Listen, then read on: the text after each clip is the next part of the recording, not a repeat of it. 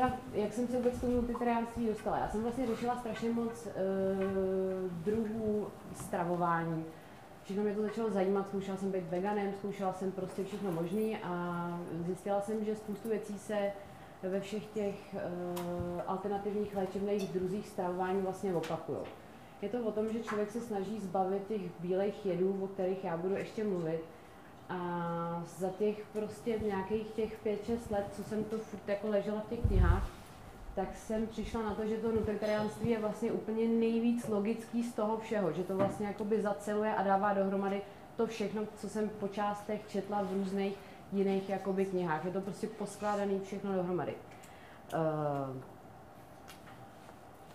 to nutritariánství je vlastně uh, dieta nebo strava založená na uh, makroživiny vysoce bohatou stravu. Je to o tom, že člověk se snaží každý den do sebe dostat co nejvíc všech možných druhů živin, všech možných uh, mikroživin, nejde tam jenom o ty makroživiny, to si také ještě vysvětlíme. A je to prostě o tom, že se snažíme jakoby uh, nadspat do sebe maximální počet všeho zdravého a živého tak, aby naše tělo fungovalo správně. Eh, tady to nutritariánství založil doktor Furman, který je americký doktor celebrit, který vlastně eh, ve své praxi se snažil přijít na nějaký, na nějaký způsob, jak vlastně preventivně i řešit různé civilizační choroby a i zároveň jakoby jak vyléčit ty civilizační choroby od cukrovky po všechno možné. A ten, s tím, ten to celý jakoby vymyslel. Je to poměrně taková nová věc, to nutritariánství.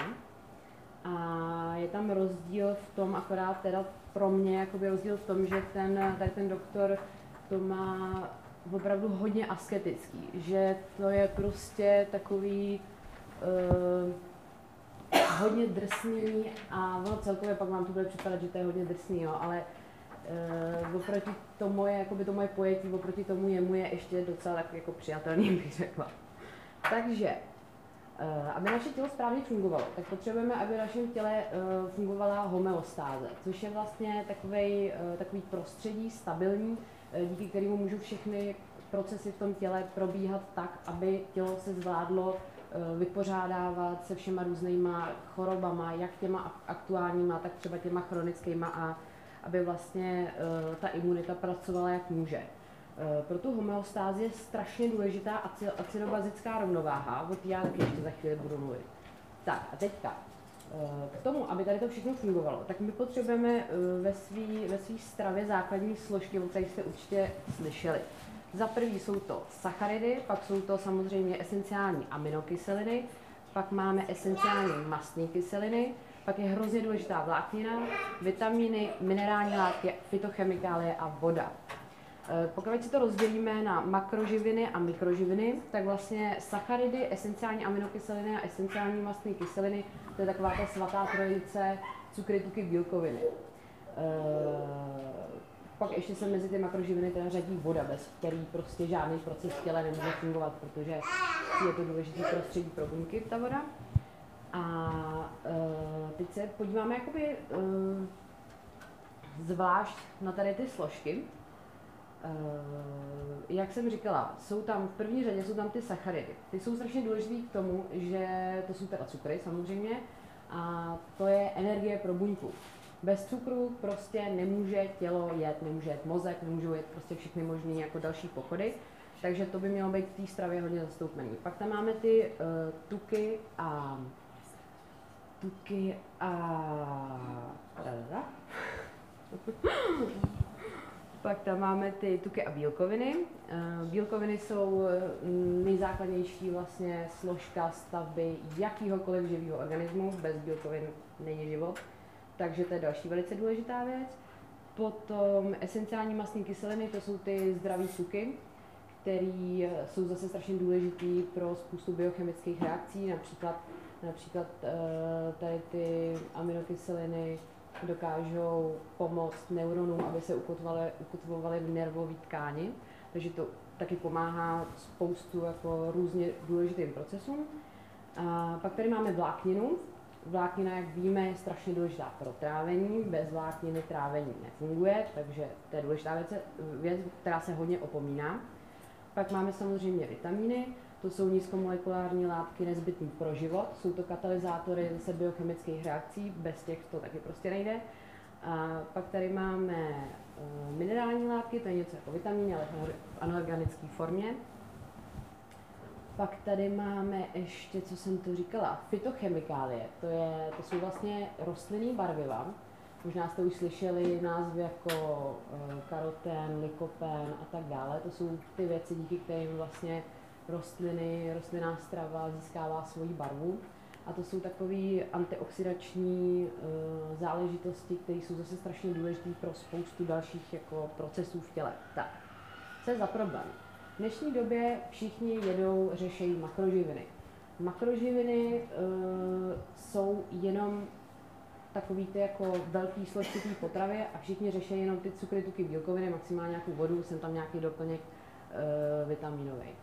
Uh, problém je v tom, že pokud my sice dostáváme všechny tady ty makroživiny a nemáme ty mikroživiny, tak jak už teď víme, tak prostě to tělo nemůže dobře fungovat nemá prostě všechno palivo pro to, aby všechny ty procesy fungovaly správně. To zdraví obecně je takový jako pojem, který spousta lidí chápe jinak. Pro někoho zdraví znamená absence nemoci, pro někoho zdraví znamená, že se cítí krásný, že prostě všechno funguje v jeho těle tak, jak má, že mu dobře, že je spokojený a tak dále. Uh, potom, co jsem to chtěla říct, ještě o tom nutritariánství. Eh, doktor Furman má takovou zábavnou, uh, zábavnou jakoby memo pomůcku, která se jmenuje G-Bombs. A to je vlastně zkratka, to jsou začáteční písmena uh, nejzdravějších potravinových skupin na světě. A když to vezmeme po pořadě, takže G-Bombs, takže greens, to je listová zelenina, beans, luštěniny, uh, onions, to jsou cibuloviny, mushrooms, houby, uh, greens, beans, onions, mushrooms, berries uh, jsou bobule, bobuloviny a seeds, semena, ořechy. To znamená, že to jsou vlastně listová zelenina, uh,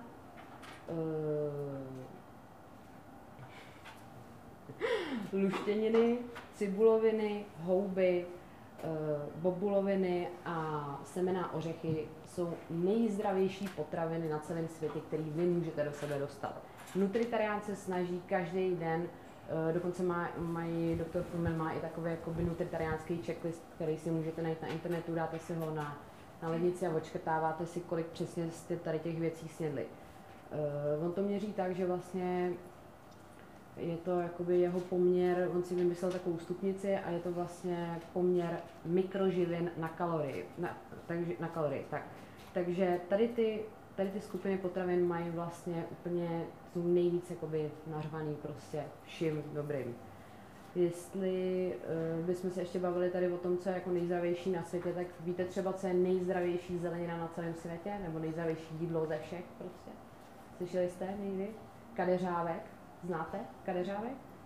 To je takový, takový jakoby druh kapusty a je to prostě naprostá, naprostá, uh, naprostá jednička, co se týče Eh, poměru živin na tu kalorii. Tak.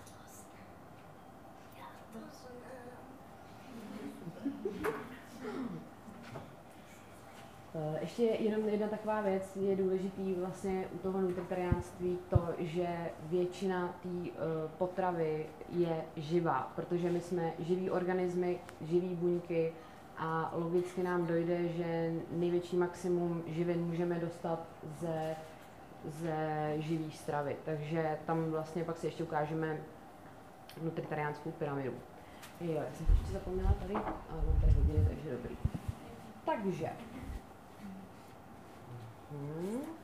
vrhneme se na acidobazickou rovnováhu. Slyšeli jste někdy už o acidobazické rovnováze? Vůbec? Já. takže,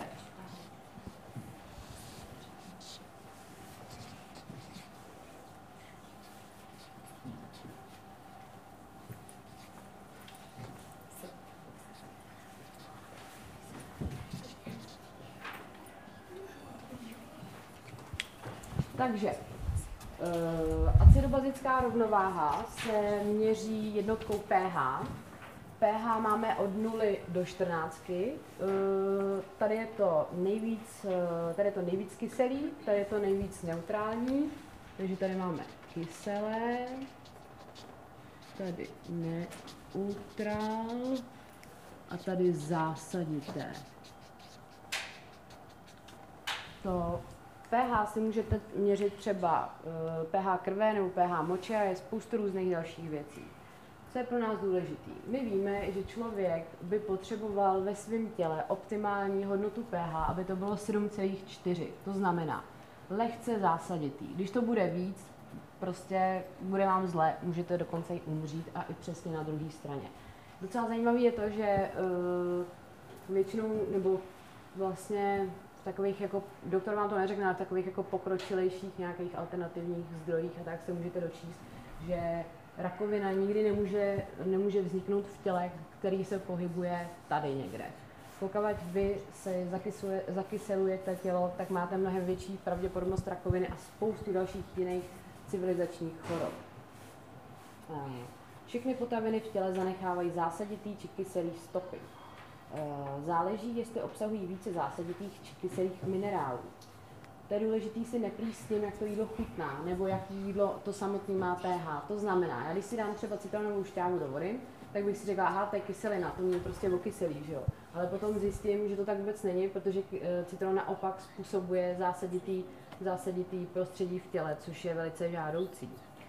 Eh, pokud my budeme jíst uh, spoustu zásaditý stravy a uh, jenom trochu ty kyselinotvorný, tak nemusíme vlastně vůbec nic řešit, protože ono se to samo udělá tak, že my budeme prostě tady někde okolo toho zlatého středu a nemusíme vůbec nic řešit. Další věc, pokud jsme někde v těch, v těch kyselých hodnotách, tak to znamená, že v našem těle je ideální prostředí pro zánět.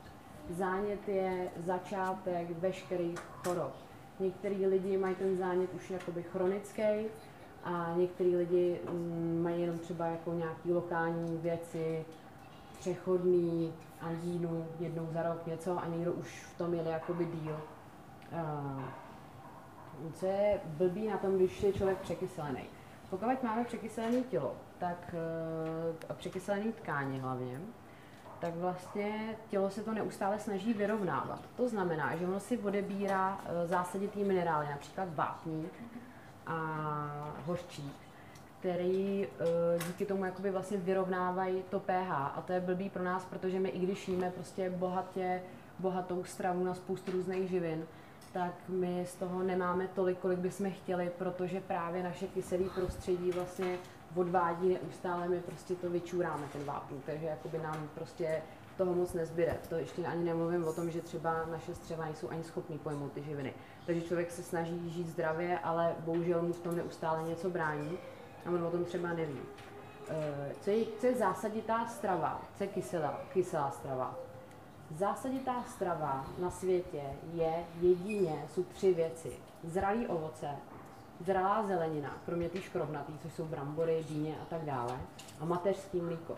Nic jiného tam prostě vůbec jako e, zásaditýho my nemůžeme dodat. To znamená, že všechny ostatní potraviny jsou lehce, mírně, těžce, hodně těžce a tak dále, kyselinotvorný. To znamená, že celý náš základ jakoby té stravy by měl být ten zásadotvorný. To znamená, že by to mělo být ovoce, zelenina, nejsme kojenec, jo. Takže takže eh, tady v tom jakoby vidím hlavní problém. Eh, ještě jedna věc, eh, kyselý odpad, tukový tkáně. Kyselý odpad, který se hromadí v celém těle, ze spoustu různých jídel se, dělají spousta, se dělá spousta různých kyselin v našem těle.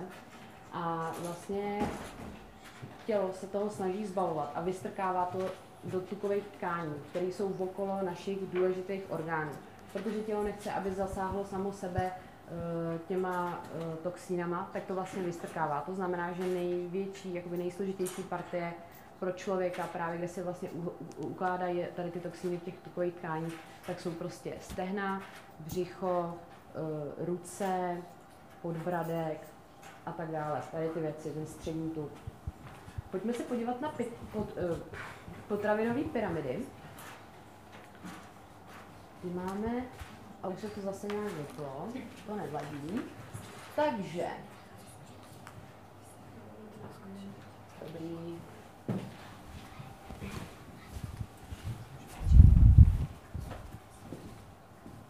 Takže tady vidíte nádhernou potravinovou pyramidu, která je tady ta přímo, která je přímo z 90. let, ale původně inspirovaná uh, z, uh, potravinou, pyramidou potravinovou ze 70. let. Neustále, bohužel, v naší společnosti pořád názor na to, jaký by to jídlo mělo být, přetrvává a pořád dnešní doktoři vám budou nějakých 95% případů ukazovat takovouhle uh, pyramidu. My už víme, jaký jsou kysel, zásadotvorné a kyselinotvorné potraviny. To znamená, že když se teda koukneme na tu spodní, na tu spodní, mm, na tu spodní část, tak co tam vidíme? Tady jsou nějaké sušenky, cereálie, uh, pečivo, celozrný pečivo, bílý pečivo, tohle budou nějaké těstoviny a rejže možná. A máte tady i napsaný, že byste měli uh, denně sníst porcí tady těch věcí 6 až 11, prosím. To je obrovské množství kyselinotvorných potravin a to se nebavíme o tom, s čím to budeme dál míchat a jak to bude reagovat v našem těle. To znamená, že když se na tohle podívá člověk, který už něco o trochu o tom ví, tak ví, že tohle je naprosto zcestný. Uh, pak tady máme, tam máme zeleninu, kde máme 3 až 5 podání denně, což je žalostně málo. Tady máme uh, ovoce 2 až 4, pak tamhle máme, že jsou samozřejmě důležitý mléčné výrobky, maso a tak dále, který nám je doporučovaný, třeba maso nám je doporučovaný dvakrát až třikrát denně. Eh, o tom se pak ještě taky budeme bavit. A úplně nahoře máte napsaný, že jenom občas máte používat oleje, sladkosti. Eh, teďka se podíváme na potravinovou pyramidu, kterou udělal doktor Furman. Ta je nutritariánská. Nutritariánská.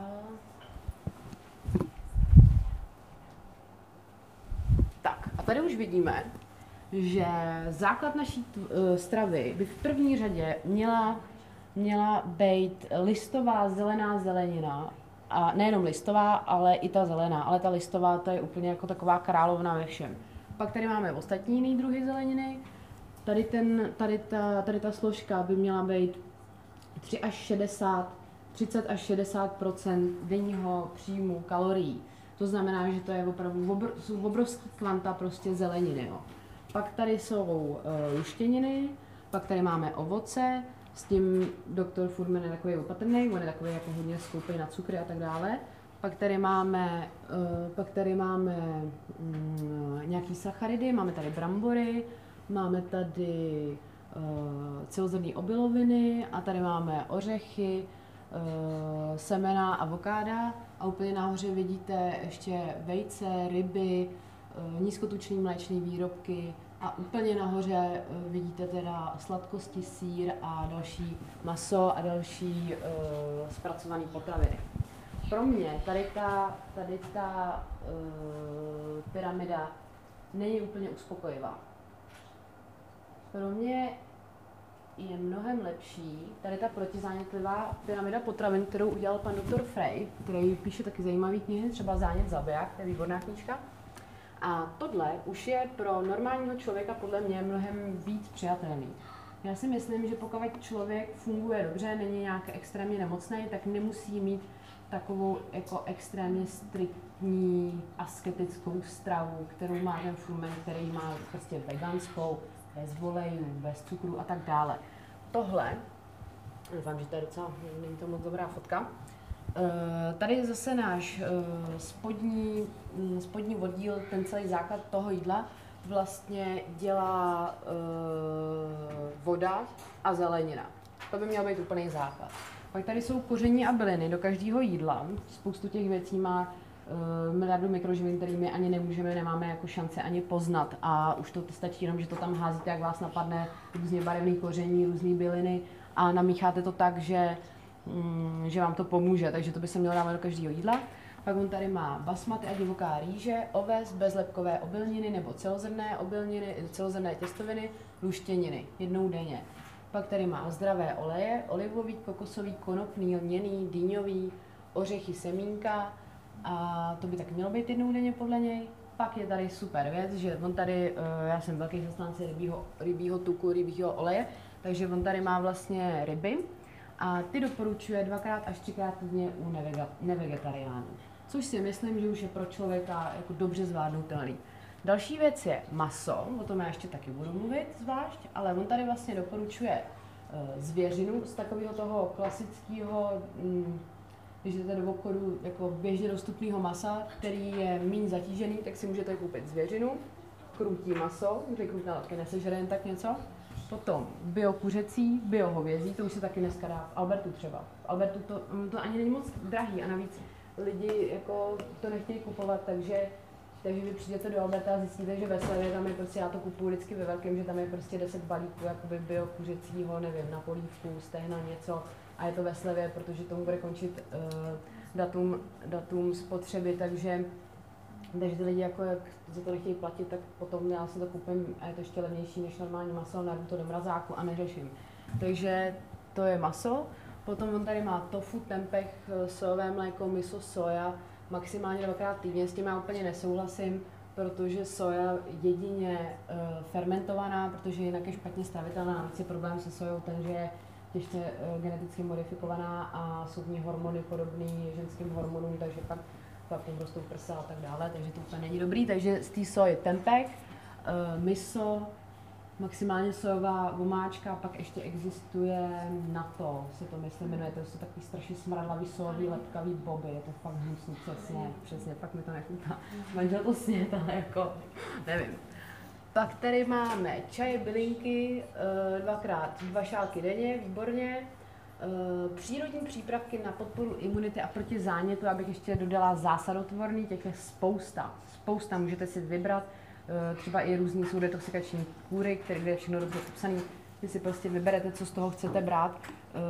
Výborný je třeba zelený ječmen, mají ho v DM, stojí to 150 korun a je to super.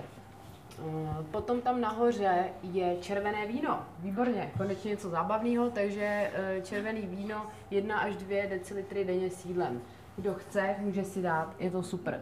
Červený víno je vlastně jediný jakoby alkohol, který, který, uh, který, z kterého vy budete mít nějaký užitek. Ale zase nesmíte vypít prostě na posezení ve tři lahve, že? Jenom červené, bílé ne. Bílé vůbec. Tam nejsou žádný, to je jenom čistý cukr, kyselina, tam jakoby nejsou žádný přídatný přídatný látky, které by nějak pomohly organismu. Je to vlastně ve všem, co je, jakoby, proto i budu mluvit o bílejch jedech, to je dobrá otázka, protože uh, vlastně všechno, co je, většinou všechno, co je světlý, tak je zbavený všech těch jako fitochemikálí, které by v tom mohly být, které jsou právě v tom červeném víně. A úplně nahoře máme příležitost ke kvalitní sladkosti bez bílého ovocného cukru, bílé pečivo, rafinovaný olej příležitostně. Tady ta pyramida mi připadá, že už jako se s ní dá žít. Takže to se mi líbí. A uh, to bychom měli takové ty pyramidy.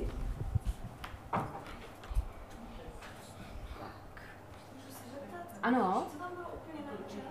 Tam byly bílé cukry, ne počkat, tam byly kvalitní sladkosti bez bílého ovocného cukru, bílé pečivo, rafinovaný olej. Tak. Takže tady mám pár takových jako poznámek, jenom tak jako na okraj. Eh, dělená strava, o tom ještě budu mluvit u toho jídelníčku. Je důležitý, když už teda chci co nejvíc eh, obsáhnout ten živy, těch živin, tak eh, je důležité si to namíchat tak, aby to co nejrychleji člověk mohl strávit, využít z toho na prostý maximum. Eh, to si asi ukážeme u těch jídelníčků. Kolikrát denně jíst? Kolikrát si myslíte, že denně by člověk měl jíst? Ano. Kolik?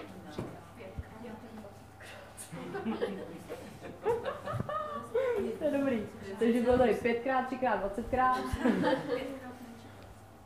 Přesně to se říká nějakých pět až sedm menších porcí skrz celým dnem. To doporučuje, prosím pěkně, každý výživový poradce, jo. Čau, zdravím všechny, čau.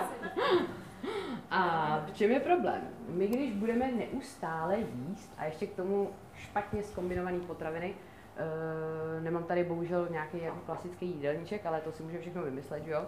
Takže uh, je tam problém v tom, že my neustále zatěžujeme svůj uh, trávicí trakt který nemá šanci všechno strávit a ve chvíli, kdy už si myslí, že už by to teda mohl strávit a věnovat se něčemu jinému, protože tak se zase dá něco jiného a zase se to celý zpomalí. Takže člověk je unavený, protože neustále tráví, neustále.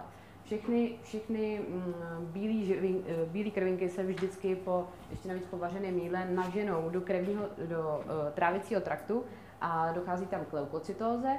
To znamená, že všechny ty uh, bílé krvinky, které mají za úkol vlastně řešit jakýkoliv erory, tak oni tam naběhnou a řeší jenom to jídlo, který tam je. A místo toho, aby řešili, jakou máme krásnou pleť, jak, jak nám rostou vlasy, jestli když nám někdo fusnul ve vlaku nějaký bacil, jestli to přežiju přesně a tak dále. Takže eh, co, co si myslím já, je to, že nejlepší je jíst dvakrát až třikrát denně, naprosto do sytosti, klidně i trochu víc, ale správně si to nakombinovat. Mít tam hodně, hodně velký jakoby dostatek té živý stravy a jíst, když mám hlad, to je strašně důležitý. Dneska lidi jedí jenom proto, že si třeba myslí, že by měli. Nebo protože jim někdo podal jídlo, protože jim někdo řekl, já jsem ti uvařil, takže on teda jde se najíst. A přitom subjektivně ani nemá hlad. A je fakt zajímavý, když se člověk dá na ten nutritariánský jídelníček, kdy je opravdu důležitý počkat s tím prvním jídlem, s tou snídaní, dokud si sám neřekne, tak najednou zjistí, že si dá prostě sweeties ve dvě odpoledne. Dá si litr teda, vypije to prostě a zase nějaký třeba 4 hodiny nic nepotřebuje. Pak si sedne k jídlu, dá si obrovský salát, dá si obrovskou porci něčeho a uh, večer je najedený. V době večeře je najedený a to tělo může neustále pracovat na těch dalších jiných věcech. Takže to si určitě ještě ukážeme, jak vypadá jídelníček. Já vám ukážu i nějaký jídla, který, uh, jak vypadají. Teďka bychom si, ještě, ještě bych řekla, že uh, kořeny západní medicíny. Tady je problém v tom, že vlastně uh, v 18. 19. Eh, století žil vědec Louis Pasteur, který vyhlásil tzv. biologickou válku. On byl přesvědčený, že veškeré nemoci pocházejí zvenčí že uh, všechny vlastně bacily, které nám způsobí tu nemoc, jsou zvenčí a dost často jsou z toho jídla. Takže podle něj je název pasterizace. To znamená, že 90, 90% jídla, který vy si můžete někde koupit, bylo nějak pasterizovaný. To znamená, že oni chtěli v první řadě vlastně zabít veškeré ty bakterie. To, že pak v té vařené stravě se ty bakterie množí ještě víc, to je věc druhá, to už nikdo neřeší. A to, že to je vlastně mrtvá strava, která, jak už víme, pro naše živé buňky není úplně ideální. Takže uh, to je docela velký problém, že tady ten týpek to řekl eh, v 18. století a vlastně je tady jako furt podle toho jeden, což je prostě trochu smutný. Uh, on měl ve své době ale oponenta, který se jmenoval Bešam, a ten naopak tvrdil, že vhodný terén je vším. To znamená, že pokud uh, na mě někdo plivne, nebo takhle, jak to, že když uh, někdo jede v metru, dva lidi jedou v metru a proti ním jede někdo, kdo je nemocný. Jak to, že když uh, ten nemocný na oba dva prskne, jak to, že jeden z toho bude nemocný a druhý ne. Protože ten jeden má optimální prostředí v těle takový, aby ta nemoc se tam mohla rozvinout. Buď to ve většině případí, případů je to kyselý prostředí, který nahrává všem uh, nedobrým parazitům, patogenům, plísním a tak dále a tak dále, bacilům, že jo, bakteriím. Takže uh, toho, tady, toho, tady toho chlapa nikdo neposlouchal a teď se prostě neustále jakoby zjišťuje, že měl pravdu. Jak jsem říkala na začátku, to nutritariánství je fakt jako poměrně... Děkuju, můj manžel si dělá kafe. Čau. Takže... Takže dobrý, to jsme měli. Jo. Ještě tady mám porovnání západní, uh, západní životní styl, porovnání jakoby uh, jídla. Uh, na jedné straně tady máme třeba, budeme se bavit o zdraví stravě. O zdraví stravě, která je podporovaná jakoby uh, různýma institucemi, která je obecně uh, brána jako zdravá. A vedle toho bychom si porovnali druhý jídlo, to by bylo nutritariánský. A budou to snídaně. Takže Normální asi Čech snídá rohlík, šunku, máslo, eh, třeba nějaký jogurt nebo mysli a pomerančový džus. Eh, jak jsme viděli, eh, v té pyramidě, tak to je prostě řečený, že to je jakoby vlastně ten základ, který by ten člověk si ráno měl dát, aby měl spoustu energie, jak se říká, snídaní se má začít den, že jo, aby prostě měl všechno, co potřebuje. A, a, a co je na tom špatně? Za prvý, uh, máme tam už třeba tři, čtyři bílé jedy, který si ještě řekneme, který to jsou. Uh, za druhý, je to celý špatně nakombinovaný a my víme, že kvůli tomu, že to je špatně nakombinovaný, znamená, že nás to jenom unaví. Uh, rozdíl u nutritariána je ten, že nutritarián ví, že uh, v noci vlastně v těle probíhá něco jako půst, taková jakoby ozdravná fáze, když člověk spí. A stejně jako po půstu, jestli jste někdy drželi půst, tak je důležitý uh, začít dobře a dát nejdřív tělu všechny ty živiny. Takže my místo toho, aby jsme mu dali živiny, tak si ho prostě ucpeme rohlíkem a ještě to špatně zkombinujeme a tak dále. My jsme unavený a spoustu dalších věcí. Takže nutritarián si udělá ráno super smoothie. To jsou super výživný koktejly, ideálně třeba litr, může být litr a půl, a jsou úplně nejvíc nabitý živinama, jak je to možný. Dostanete recept, možná už teď, mám tady Petru, já vám dám recept, teď se můžete podívat.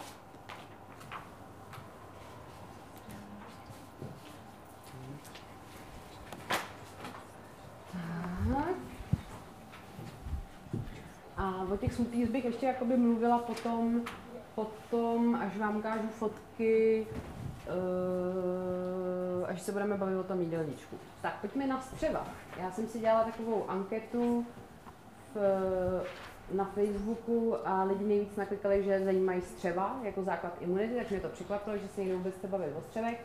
Takže jsem byla nadšená, že vám to tady můžu všechno říct. Takže uh, tlustý střevo neslouží jenom k vyprazňování. Sídlí v něm až 90% naší imunity. Uh, jsem to udělala blbě, jsem vám dala teďka ty recepty, že? Teďka se na to koukáte. Jo, jo, to budu vědět aspoň na příště.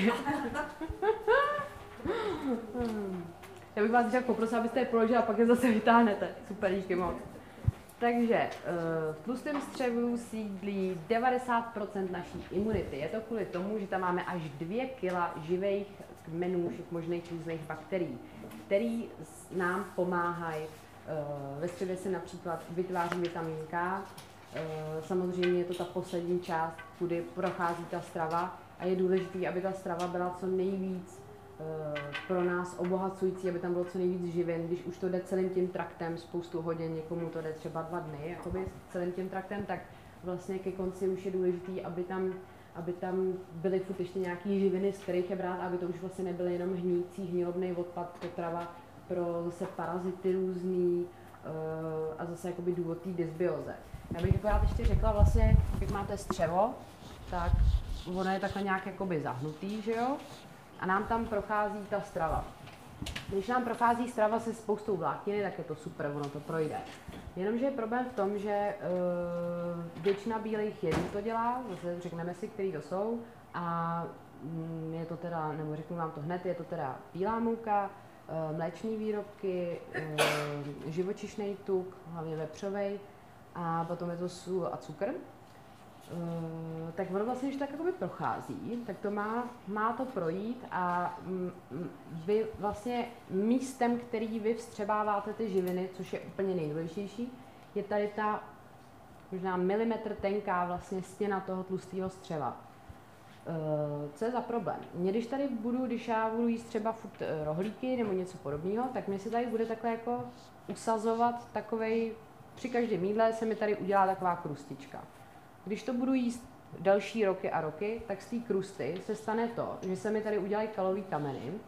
To znamená, že mě potom ta strava velice těžko prochází tím střevem. Vidíte, že tady je prostě nějaký zúžení. Eh, další věc je to, že ten kalový kámen je vždycky přichlípají plísní.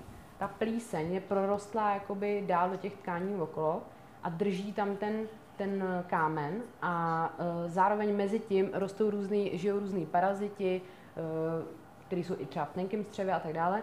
A ty tam prostě jako mají párty normálně. Tam prostě pařej, je jim tam dobře a člověk neřeší. Tak, u těch střev je hrozně důležitá detoxikace. která eh, je různá, ale detoxikaci střeva je Detoxikace střeva je naprosto bezpodmínečný, eh, bezpodmínečný omývání toho střeva zevnitř. To znamená, že většinou člověk začíná nějakýma klistýrama, který si může dělat doma sám. Uh, jsou o tom popsané stohy knih. Já mám strašně ráda ruský lidový léčitelství, který vlastně nestojí skoro nic. Můžete si všechno dělat doma a uh, je to jako sranda skoro. A potom, potom ale, když už člověk jakoby se... Co mám dělat?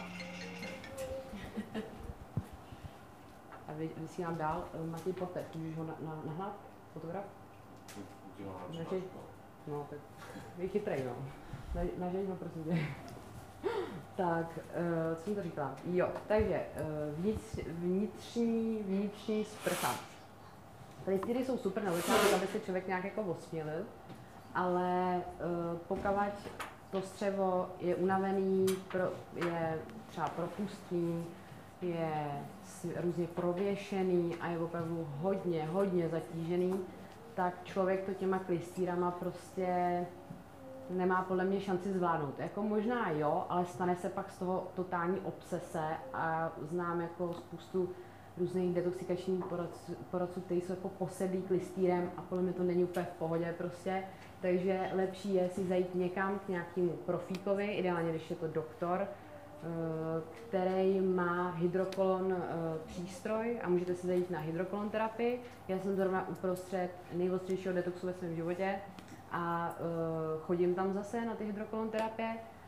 Když ten člověk je profesionál, tak vám jako se nic neděje. Vy si normálně povídáte u toho, občas jsem tam, jakoby, že trochu cítíte tlak břiše a to je úplně celý nic nebolí, všechno je v pohodě, všechno je čistý, nemusíte se vůbec ničeho bát a uh, uděláte pro sebe naprostý maximum, protože vy, když dostanete pryč ty kameny, tak konečně vaše střevo může začít, uh, může začít uh, vstřebávat ty živiny, které mu dáváme. Já i když budu třeba celý den jíst jenom zelený saláty a budu mít zacpaný střevo, tak je mi to k ničemu, protože ty živiny se tam vůbec nějak nedostanou. Takže uh, to je o těch střevech. Bílý jedy. Bílý jedy. Takže společným jmenovatelem bílých jedů je tady pár bodů, který tady mám. Za prvý, eh, jak už jsme si řekli, jsou kyselinotvorný a to znamená, že tvoří zánět. Za druhý, neobsahují téměř žádný mikroživiny a vlákninu. Proces, tím procesem eh, průmyslový, průmyslový zpracování jakoby potravin, tak eh, odebírá většinu živin tady těm našim hlavním potravinám, které jsou v naší třeba zemi, v naší kultuře. Jsou to vlastně, uvidíte sami, je to vlastně základ každého jakoby jídelníčku. Takže e, další věc je to, že velice dlouho a složitě se tráví, kromě cukru. Cukr je takový, bílý cukr je takový jako ze všech těch věcí takový jako nejméně škodlivý v tom, že to tělo pokud nemá ten příjem takový extrémní každý den, ale pokud se jednou za čas jako člověk má vybrat, který z těch bílých jedů si má dát, tak ten cukr je takový jako nejvíc přijatelný, protože vaše tělo ho dokáže nejlíp odbourat. Takže, ten, takže kromě toho cukru, ale ten zbytek uh, vlastně má spoustu složek, který se strašně špatně tráví. A kvůli tomu vzniká toxický odpad v těle, který, jak už víme, se ukládá vlastně v těch kyselinách, do tukových tkání a tak dále. Uh, další věc je zajímavé. Jsou velice levné a dostupné. Bílé jedy máme na každém rohu a i když se tváří krásně, protože je do nich zabalená okurka nebo salát, čau, tak, uh, tak prostě jako ne, ne, ne, je to takový jako beránek, prostě takový jako vlk v, v beránčím rouše. Takže um, další věc je to, že člověk je nepotřebuje. My nepotřebujeme. K našemu, k našemu jako k našemu zdravému životu a získání všech potřebných živin pro náš organismus nejsou vůbec potřeba.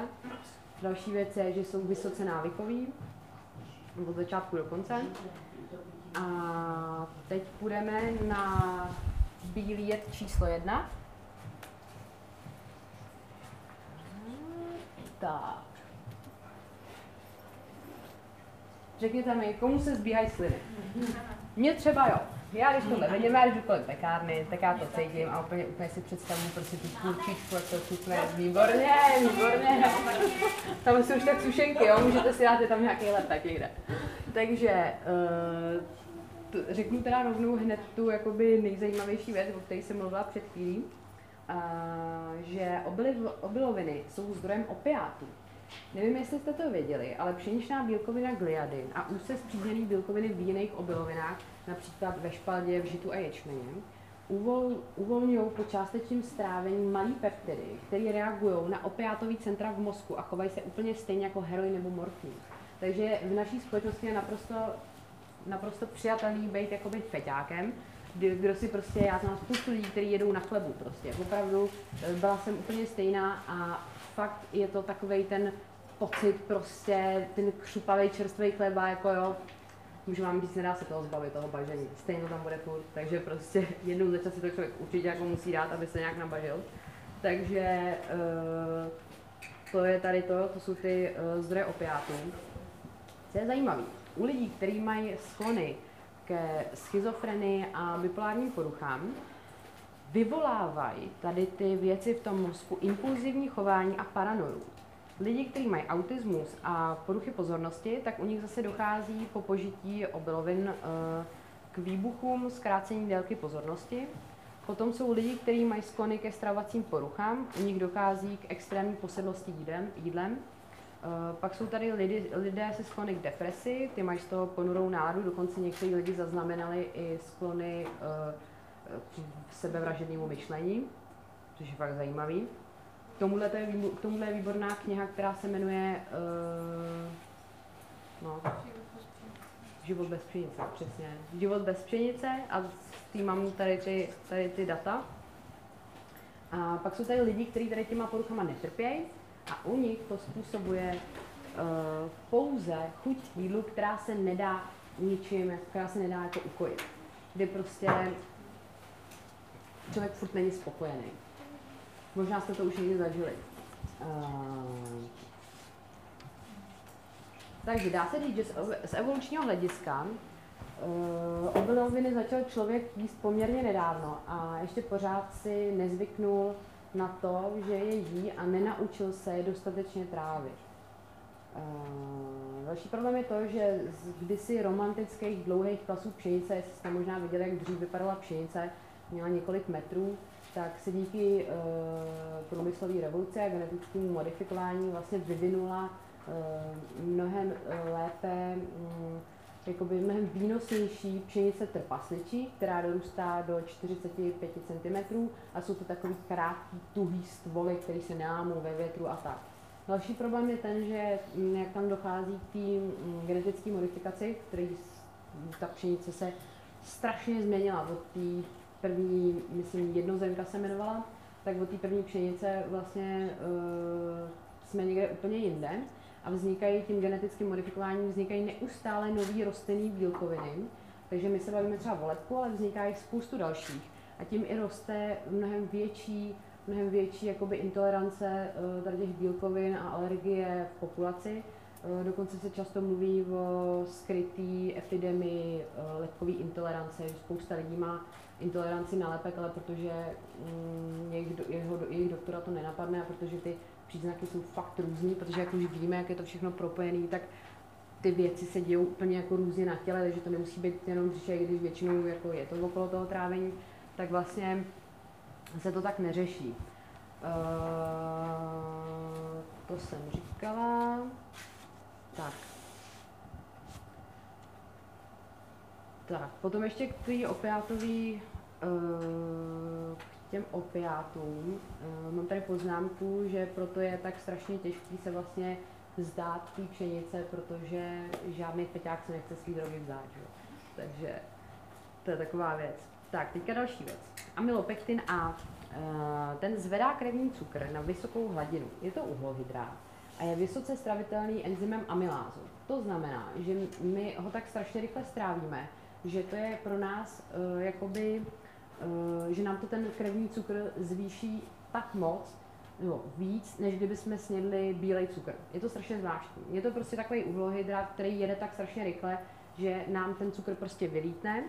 Další věc je to, že eh, je tam velký problém s tou vysokou hladinou cukru kvůli tomu, že se vlastně on neustále jakoby každých 90 až 120 minut klesá a my se pak točíme v takovém bludném kruhu, kdy uh, dochází k zastřenému myšlení, k podrážděným výpadům vůči okolí, protože jak nám to klesne, tak jsme prostě úplně jako na musíme hned jako něco jít někam sním. Že jo. Další věc je, že vysoká hladina uh, krevního cukru dělá vysokou hladinu inzulínu, což znamená, že pak se ukládá mnohem víc tuku a zase speciálně tuk střední. Tak a tady ten, tady ten, no, tak, další věc je, že to je teda kyselina, to jsem říkala, to je furt stejný. Potom máme tady fitáty. V obilovinách se hm, hojně vyskytují fitáty, které zabraňují vstřebávání živin. E, proto se často třeba do baleného chleba přidávají vitamíny a živiny. Možná jste si všimli, že když si koupíte zase celozrný chleba, tak máte na něm prostě značky, vitamíny, skupiny, bla, bla, bla, takový barevný, různý jako kolečka s různýma písmenkama a tak. Takže to je kvůli tomu. E, což jako není úplně dobrý, když se nad tím zamyslíme. Potom další věc. Obilní klíčky obsahují absolutně nestravitelný VGA, VGA střední toxin, který blokuje žluč, z toho vzniká špatný trávení a e, z toho potom e, je třeba, jsou případy nutkavý stolice, to asi každý znáte, když jste prostě měli pocit, že ani nedoběhnete na záchod.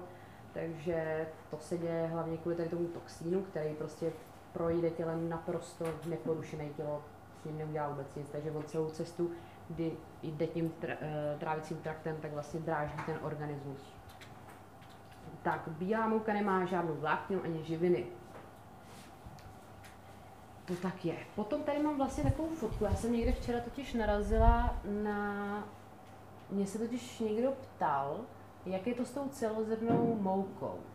Tady je to přesně rozepsaný. Aha. E, bílý pečivo, že se peče z bílé mouky, bla, bla, bla. Ale co je zajímavé, celozrný pečivo vyrobené z celozrné mouky eh, neustále furt tam může být podíl 20% eh, té bílé mouky, to je ještě v pohodě, ale pak co je úplně největší jako na nás, no, takový, jak bych to řekla, to řekla slušně, no, podvod, tak, tak eh, je to, že když je pečivo označené jako třeba vícezemný, tak to znamená, že to vícezemný, to tam není vidět, je e, minimální podíl těch vícezrných věcí je 5%, prosím vás, jo.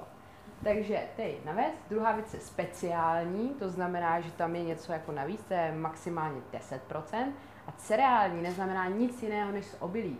To je jenom takový jako na okraj marketingový supertah. Takže jo, ještě tmavý pečivo tam bylo nahoře a to si lidi myslí, že je zdravý a to většinou bývá prostě jenom obarvený cukrem, jsou něčím obarvený a není to prostě pořád jako nějak pro nás dobrý. Jo, náhrady lepku. Náhrady lepku. Bez lepkový chleba nikdy nebude chutnat jak ten lepkový. Tak to prostě je. Můžete si podle svých chuťových preferencí vybrat ten, který vám chutná nejvíc, ale nikdy nebudete mít prostě, kdy vám to nezautočí na ten mozek tak, aby vy jste měli takový ten jako totální požitek.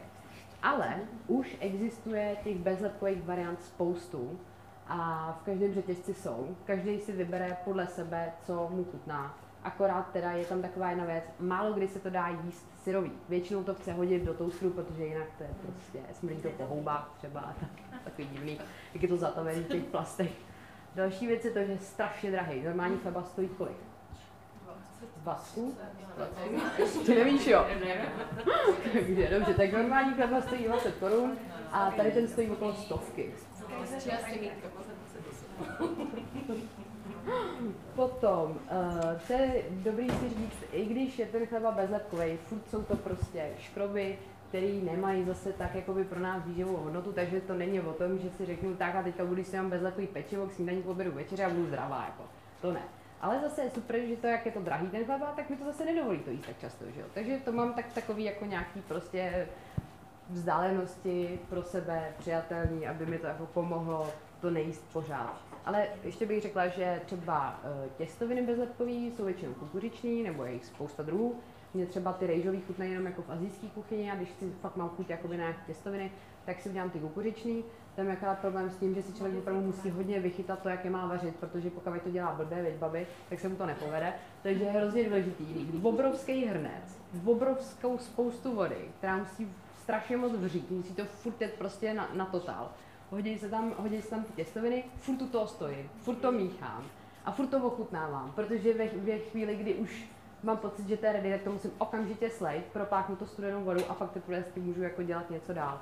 Uh, pokud si chcete, já třeba teďka musím hodně vařit do zásoby kvůli dítěti, takže pokud si chci uvařit uh, do zásoby ty těstoviny, si udělám celý pytel, dám si to, propáchnu si to, dám si to do nějaký nádoby, dám si to do lednice, ale bacha na to, že oni jakoby strdnou ty těstoviny, takže pak je zase důležité, když se je ohřáváte třeba v nějaký vomáčce nebo k něčemu, tak je musíte jakoby pod pokličkou v té vomáčce trochu povařit, oni zase povolej a jsou super. Ale jako samotný její studený bezlepkový těstoviny nic moc. Takže to by byly náhrady lepku. Ještě, ano. Buď se pak jako rozdělej. Oni jsou takový, jako ty takový jako modelí, nebo jako, trochu to jako pomačka, ta. Jako klidně, ale ten volej mi tam k tomu nepomohl jako vůbec. Já už tím neplejtvám. Já mám většinou ty vole takový sběrový, takže už se mi to nechce moc. No, ještě bych řekla, že uh, takovou věc, uh, super, kdo chce, kdo je hospodyňka, může si píst ty chleby sám. Je spoustu různých receptů, je spoustu různých druhů, jsou různé krabice uh, na upečený chleba, ta kvalita je tam různá. A třeba moje kamarádka má uh, značku Fit pro život, vyvíjeli vlastně ty chleby asi dva roky, vyhodili prostě miliardu chlebů do koše, než přišli konečně na nějaký chleba, který jim přišel dobrý, mají už asi šest druhů, jsou super, a můžete je dělat buď to tak, že uděláte kinutý, což zase není tak úplně jako super, ale máte ho ten chleba třeba za dvě hodiny, anebo ho můžete nechat kvasit. Tam je přesně, oni tam mají na stránkách popsané jakoby ty metody, kdy ten chleba prostě kvasí a sežere tam ty cukry a vy to pak máte jako a zase to chutná jinak a trvá to prostě den, dva, nevím, prostě je to trošku složitý, ale jde to. A můžete si ho pak určitě ten chleba nakrájet na plátky, zamrazit do pytlíku a potom jenom vydáváte ty plátky, dáváte do toustru a máte vlastně čerstvý pečivo. Takže to bychom měli tohle. Takže teďka pojďme na mléčné výrobky, mléčný průmysl. Takže uh, spousta lidí dneska, když si jde koupit krabici mlíka, tak jim vůbec vlastně nedochází, odkud to mlíko je. Mlíko je od krávy. A uh, s tou krávou jako není zacházeno tak, že by... No, je prostě na každém zamyšlení, jestli chce vlastně tady tu věc podporovat. Mám tady napsaný, že mléko je dokonalá přírodní potrava, ale pouze v případě, že jste tele. Pokud tele nejste, mlíko vám nedělá dobře. I když mlíko, když byste mu změřili pH, by mělo zásaditý pH, když ho dostanete do těla, tak se mění, mění se okamžitě v kyselinu. Tam je zase problém, že tím, že to je kyselý, tak vlastně třeba vápník, který se hodně říká, že je v mléku, tak je pro tělo totálně nevyužitelný a hlavně tím, že to tělo okyseluje, tak on vlastně ten vápník neustále zase odnímá.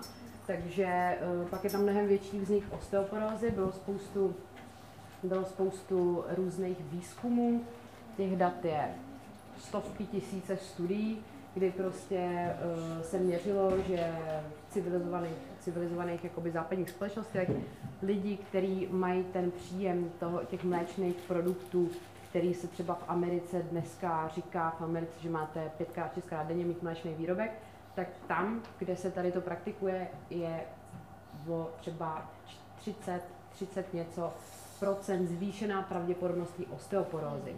Nebo pak lidi, který, uh, starý lidi, kteří neustále jedí ty mléčné výrobky, tak těm se mnohem, mnohem častěji v nich dochází k nějakým zlomeninám a tak dále. Uh, další věc je to, že uh, mléko vyrábí v těle hlen, což je báječný prostředí pro růst bakterií. Ty si tam prostě hodujou a je tam super. Další věc je teda život ty krávy. Kráva, aby měla mlíko, tak musí být, tě, musí být těhotná a musí vlastně být neustále pod palbou hormonů, který jí se dějou samovolně, e, který se dostávají do toho mlíka a zároveň ty, ty hormony se přidávají extrémních dávkách i zvenčí, jakoby tím průmyslem té krávě, kvůli tomu, že eh, aby právě jakoby byla, aby měla co největší tvorbu toho mlíka, aby vlastně uh, byla těhotná, musí neustále měla jakoby oplodňovat. Další věc je to, že ta kráva strašně trpí. Ona pokaždý, když prostě porodí to, to tele, tak oni ho vezmou. A ona strašně pláče. Já jsem přemýšlela, jestli vám tady pustím, jak pláče kráva, ale jakoby sama jsem toho brečela, takže jsem si rozhodla, že radši vám to teda pouštět nebudu. A je to strašný. Pak je to, já to nemám, nebojte, já to nemám. Je to fakt, je to hrozný, jo. Takže to je další věc, že člověk si ani neuvědomí, že si jde koupit nějaký sír, protože jdu si dát sír, že jo, a vůbec si jako neuvědomí, co za tím celým je, že tam je prostě kráva, která u sebe nemá svý tele a prostě řve. Třeba dva týdny, tři týdny, než se na to vykašle a je znova těhotná, že jo. Takže to je jedna věc. Potom, co je docela jakoby takový jako na pomyšlenou je to, že vlastně to jsou sex hormony, který ona v sobě má a to znamená, že to teda furt zvyšuje vlastně uh, víc, nebo jakoby um, pravděpodobnost toho, že budete mít rakovinu právě tady těch, tady těch svých ústrojí pohlavních, to znamená rakovina prsu, vaječníků, prostaty a tak dále. Uh, to jsou zase všechno dohledatelné data, které prostě studie si můžete najít. Uh, další věc je to, že teda mléčný průmysl má neuvěřitelný dopad na životní prostředí, prostě kde jsou vypálený jakoby tisíce kilometrů jakoby půdy a odpad, který z toho všeho je, není dobrý. To by zase bylo úplně jako, my jsme se bavili o něčem jiném trochu. Další věc je, že je dokázané, že mléční výrobky způsobují akné, Další věc je, že až 60% lidí trpí laktózovou intolerancí, aniž by to věděli. Třeba Aziati jsou těm hodně pověstní, že umějí štěpit, jakoby, uh, trávit laktózu. A, uh, mléko je stejně jako lepek obrovský alergen, obrovská kyselina, je vždycky je pasterizovaný, takže i když už v něm teda nějaký živiny původně byly, tak tím, že tam dochází k té pasterizaci, tak vlastně uh, je o všechno zbavený, takže vám to je zase stejně k ničemu a hrozně složitě se tráví kasein, který tam je, který se používá jako lepidlo. Takže asi víte, co vám dělá kasein ve střevě. A pak by ještě možná bylo dobré říct, že většina těch krav má zanícený, chronicky, chronicky zanícený vemena, takže oni tady sice jsou nějaké kvóty pro to, kolik hnisů může být v mlíku, ale ten hnis tam stejně je. Takže jenom taky takový jako, já tady nechci jako nikoho strašit, já chci jenom prostě říkat fakta. Jenom chci, aby lidi slyšeli pravdu a aby se mohli sami svobodně rozhodnout, jestli to chtějí nebo ne. Takže to bylo o tom mléku. Náhrada. Pokud se bavíme o mléku jako o zdroji vápníku, tak už jsme se dozvěděli, že vápník e, není dobře e, využitelný e, z mlíka. Takže e, super vápník, který si můžete do sebe dostat, je zase v naší oblíbený královně v zelený listový li, zelenině. Takže tam je spousta vápníků, pak je například v luštěninách, v datlích, ve spousty různého ovoce. Dá se to taky do, m, různě dohledat na internetu. A potom Potom se hodně mluvím o, mm, o jogurtech a o jakoby, probiotických nápojích a tak dále. Uh, ono, když je to zavařený pod tím víčkem a má to mm, jakoby datum spotřeby třeba měsíc, dva, tak asi uh, nám jako dojde, že když tam není vzduch, tak jak tam jako to může být. Oni to tam sice dají, ale ono to tam jako moc nepřežije. Takže pokud chci, potřebuji laktobacily, které jsou strašně důležité pro zdraví střevo, tak si dodávám, uh, dodávám si je zvenčí, dodávám si je um, normálně tobolkama, co si koupíte v lékárně, spousta různých druhů. Uh, pak jsou samozřejmě v kvašený zelenině, si můžete udělat doma, nebo si koupíte kimči, kvašený zelí a tak dále. Tam je zase dobré, aby to bylo v biokvalitě, aby, to nebylo, aby tam nebylo moc soli, cukru a tak dále. Pak jsou tady kvašený nápoje, jako třeba kombucha. Uh, potom náhrada mlíka. Uh, když mi to mlíko chutná, tak si můžu si dát třeba vegan sír, nebo, nebo nějaký veganský mlíka, veganský jogurty a tak. Mm, tam je zase taky dobrý si číst to složení, protože ne vždycky je to super, protože když je něco vegan, tak to ještě neznamená, že to je zdravý. Eh, pokud to nemůžu fakt vydržet, dám si bio čerstvý kozí sír nebo ovčí, protože tam už zase eh, pro toho, pro toho člověka je to mnohem, mnohem líp uh, stravitelný, ale pořád musím mít na paměti, že to je kyselina, takže zase toho nemůžu jíst tolik, kolik bych si řekla. Když už to teda jako hrozně fakt jako nemůžu vydržet, tak si vyberu parmazán, protože ten je eh, tím, že zraje, tak eh, spousta těch látek vlastně eh, tam zmizí, protože se tam nějak ty bakterie si to tak jako vyžerou a něco a tím, že to fermentuje, tak přijdeme o spoustu těch věcí, které tam nechceme, takže ten je takový z těch mléčných produktů takový jakoby nejlíp přijatelný. Pak je samozřejmě skvělý kokosový mlíko, který nahradí spoustu věcí, rýžový mlíka, rýžový smetany, z těch mléčných výrobků. Jediná věc, kterou já naprosto jakoby doporučuji, je uh, organické máslo. Když máte možnost si někde koupit máslo, chutnává máslo, tak tam je zase, tam jsou strašně zdraví tuky, které zase se zeleninou, jakoby um, vitamíny se vážou na tuky, takže zase je to pro nás jako i to, i to, že nám to pohladí ty chuťové pohárky, že dostaneme tu chuť do toho jídla, protože chuť se váže na tuk, tak uh, to je jedna věc. A druhá, že teda z těch mléčných výrobků si můžeme vybrat aspoň něco a pak je to samozřejmě přepuštěný máso, který se používá hlavně uh, v ajurvédě, v ajurvédské medicíně a v azijských, uh, indických, v indických kuchyni. Takže, bílý živočišný tuk. Já mám zase krásný obrázek, těšíte se? Tady máme prasátka. Takže, uh, co je za problém u prasete? Uh, prase má úplně jiný trávicí trakt než uh, třeba člověk nebo než ostatní jakoby, zvířata, než bíložravci a tak. Praseti jeho trávicí trakt dovolí sníst víceméně cokoliv. Je mu jedno, jestli je to skažený, nebo jestli je to prolezlý, prostě nějakýma parazitama a tak, on to prostě sní. A e, problém je v tom, že to velice rychle opouští jeho tělo. To znamená, že ty toxíny se akorát rozeženou po tom těle, zůstávají v tom mase a pak, když to jakoby vyjde ven, tak oni furt jakoby tam jsou a my, když si pak dáváme tu třeba vepřovou panenku, tak to prostě v tom máme. Další věc je to, že prase se nepotí. Prase nemá skoro žádný potní žlázy. To znamená, že zase všechny ty toxíny se v něm kumulují, my to potom jíme. E, možná, kdo má třeba citlivý čich, já třeba prostě vepřový maso nemůžu už strašně dlouhou dobu, protože mi jakoby páchne trochu. Je ta kyselina močová tam, že to je takový jako nepříjemný, ono se to dá různě zavonačit, různě to něčím jako ochudit, aby to tam tak nebylo.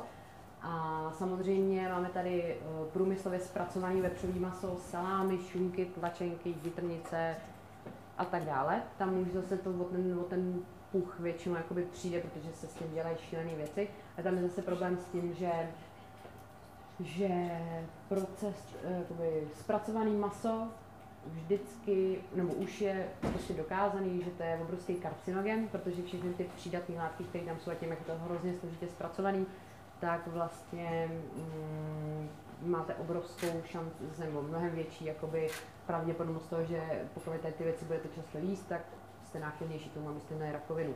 Když zase to prochází celým tím střevem, tak dlouho to zůstává, když je to špatně namíchaný, do toho maso nemá vlákninu, takže to hrozně dlouho jakoby jde tím traktem. A ve chvíli, kdy zase z toho mají jakoby v tom tlustém střevě uh, se brát ty živiny, tak už to jakoby jenom hníje a už tam není jakoby co brát. A tam se to hromadí v tom tlustém střevě ty uh, toxíny a z toho pak vzniká právě rakovina tlustého střeva, ve který jsme prosím vás první celosvětově, na celém světě jsme jedničky v rakovině tlustého střeva. Takže tohle je k, sam, zamyšlení docela. Mm, další věc, ano? Já jsem se chtěla zeptat, co si myslíš o, konzumaci syrového masa, jako je sushi, tatarák. Je úplný průšvih. Úplný. Úplný. Takže i sushi prostě. Nic, jako, no. Nic. Protože tam prostě to nemáš něk... No, ale hlavně mm, jako člověk mm, je vlastně pokud si člověka porovnáváme s ostatníma zvířatama, pro nás nejbližší je třeba gorila, tak my když si vlastně srovnáme to, to ten trávicí trakt, tak my jsme jako nejvíc podobný bíložravcům. I zubům, i všemu a tak dále. To znamená, že my to maso jíme, v nějaký době se jedlo, aby člověk přežil, ale dneska jsou takové možnosti, že my to maso jako nepotřebujeme. My si můžeme všechny ty věci dodat jinak a líp, ale uh, chutná nám. Takže my ho jíme na chuť. A pokud ho jíme na chuť, tak si můžeme vybírat. A pro mě je prostě vepřový jakoby zapovězený. To fakt jenom, když máte cheat day, třeba dvakrát, třikrát za měsíc, dát si na co máte chuť, ale jako zařadit ho jako zdravou potravinu, že se i doporučuje jíst klidně jako vepřový maso, že se řekne nějaký méně tučný panenka, že to je jako v pohodě, to je zdravý, stráte se zeleninou, prostě není jakoby vepřový. Pak ještě docela zajímavý zamyšlení jakoby nad tím, že proč tolik náboženství vlastně nechce jít vepřový maso. Docela jako na tím zamyšlení, že fakt to jsou prostě různé kultury, které to neví jako tisíce let, tak asi vědí proč. To prase je obecně považovaný za nečistý zvíře a je to třeba i kvůli tomu, že mají v sobě hrozně moc parazitů, který právě jsou třeba někdy i jako těžko teplem zabitelný. Takže potom mm, vlastně oni jakoby uh, skrz prožraný žaludek toho prasete cestují v tom těle, my si to potom jakoby dáme v tom stejku, podle mě se ani vepřový nedá jakoby říkat steak, já jsem to nepochopila, jak může být steak vepřový, ale uh, pak jakoby do nás vlastně vleze ten parazit a usadí se nám, když máme někde, zase máme ty kyseliny, nekrózní tkáň, tak oni tam pak zase hodují jakoby v nás, no. takže to je taková věc. Potom další věc je, že ty prasata mají v sobě různý, úplně jako nový, novodobý viry, že tam třeba prasečí chřipka a tak dále. Teďka jsem zase viděla mm, po strašně dlouhé době tele, v televizi zprávy nějaký, a zase někde v České republice nějaká epidemie nějakého prasečího viru. Jaký? Africký. Africký, no, no, no.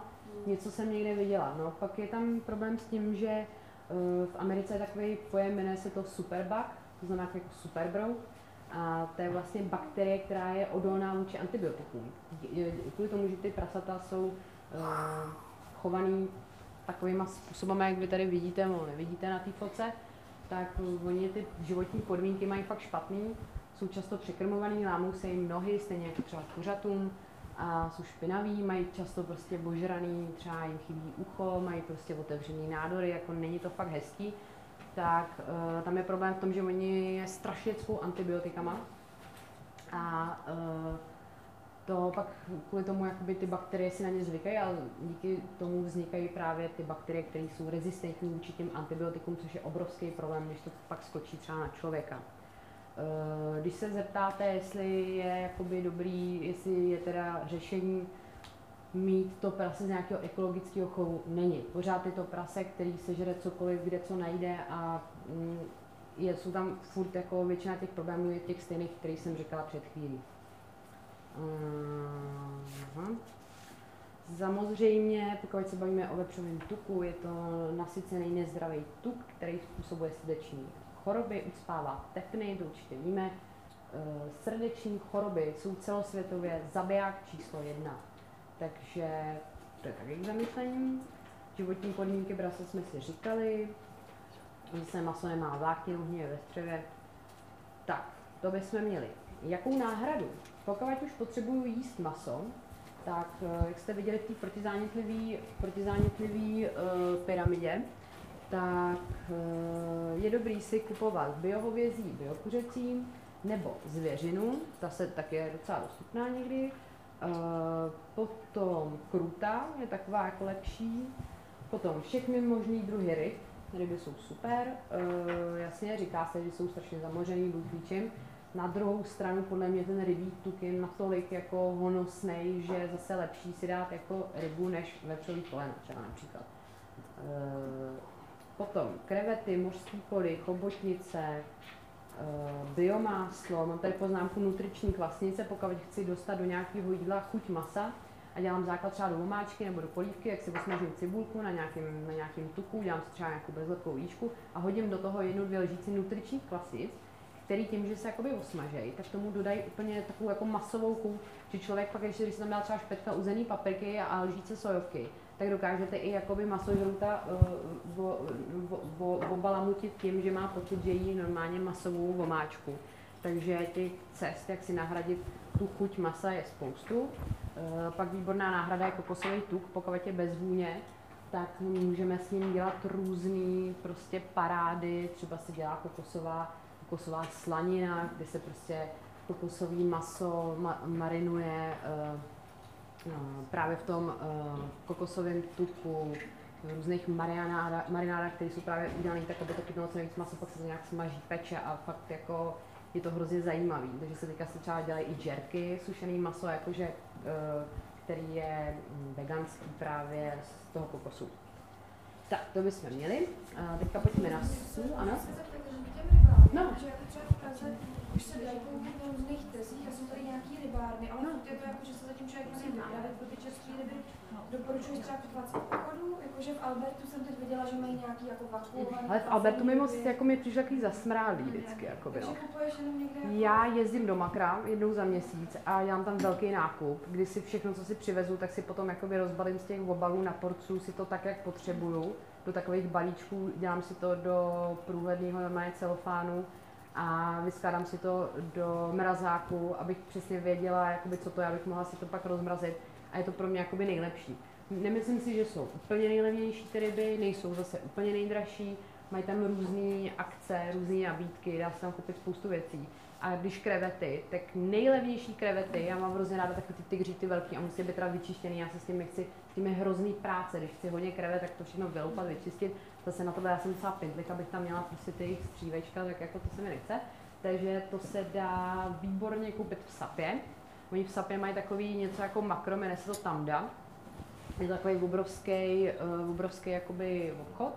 A tam to mají mražený, tyhle ty krevety, a tam se dá koupit tak mi to tam všichni vykoupíte. 800 gramů krevet, eh, tady těch tygřích vyloupaných, syrových, to je důležitý. Jsou syrový, jsou šedivý, nejsou růžový, takže nejsou uvařený. A ty krevety tam stojí, těch 800 gramů tam stojí kolem 400 do 400, což je prostě super.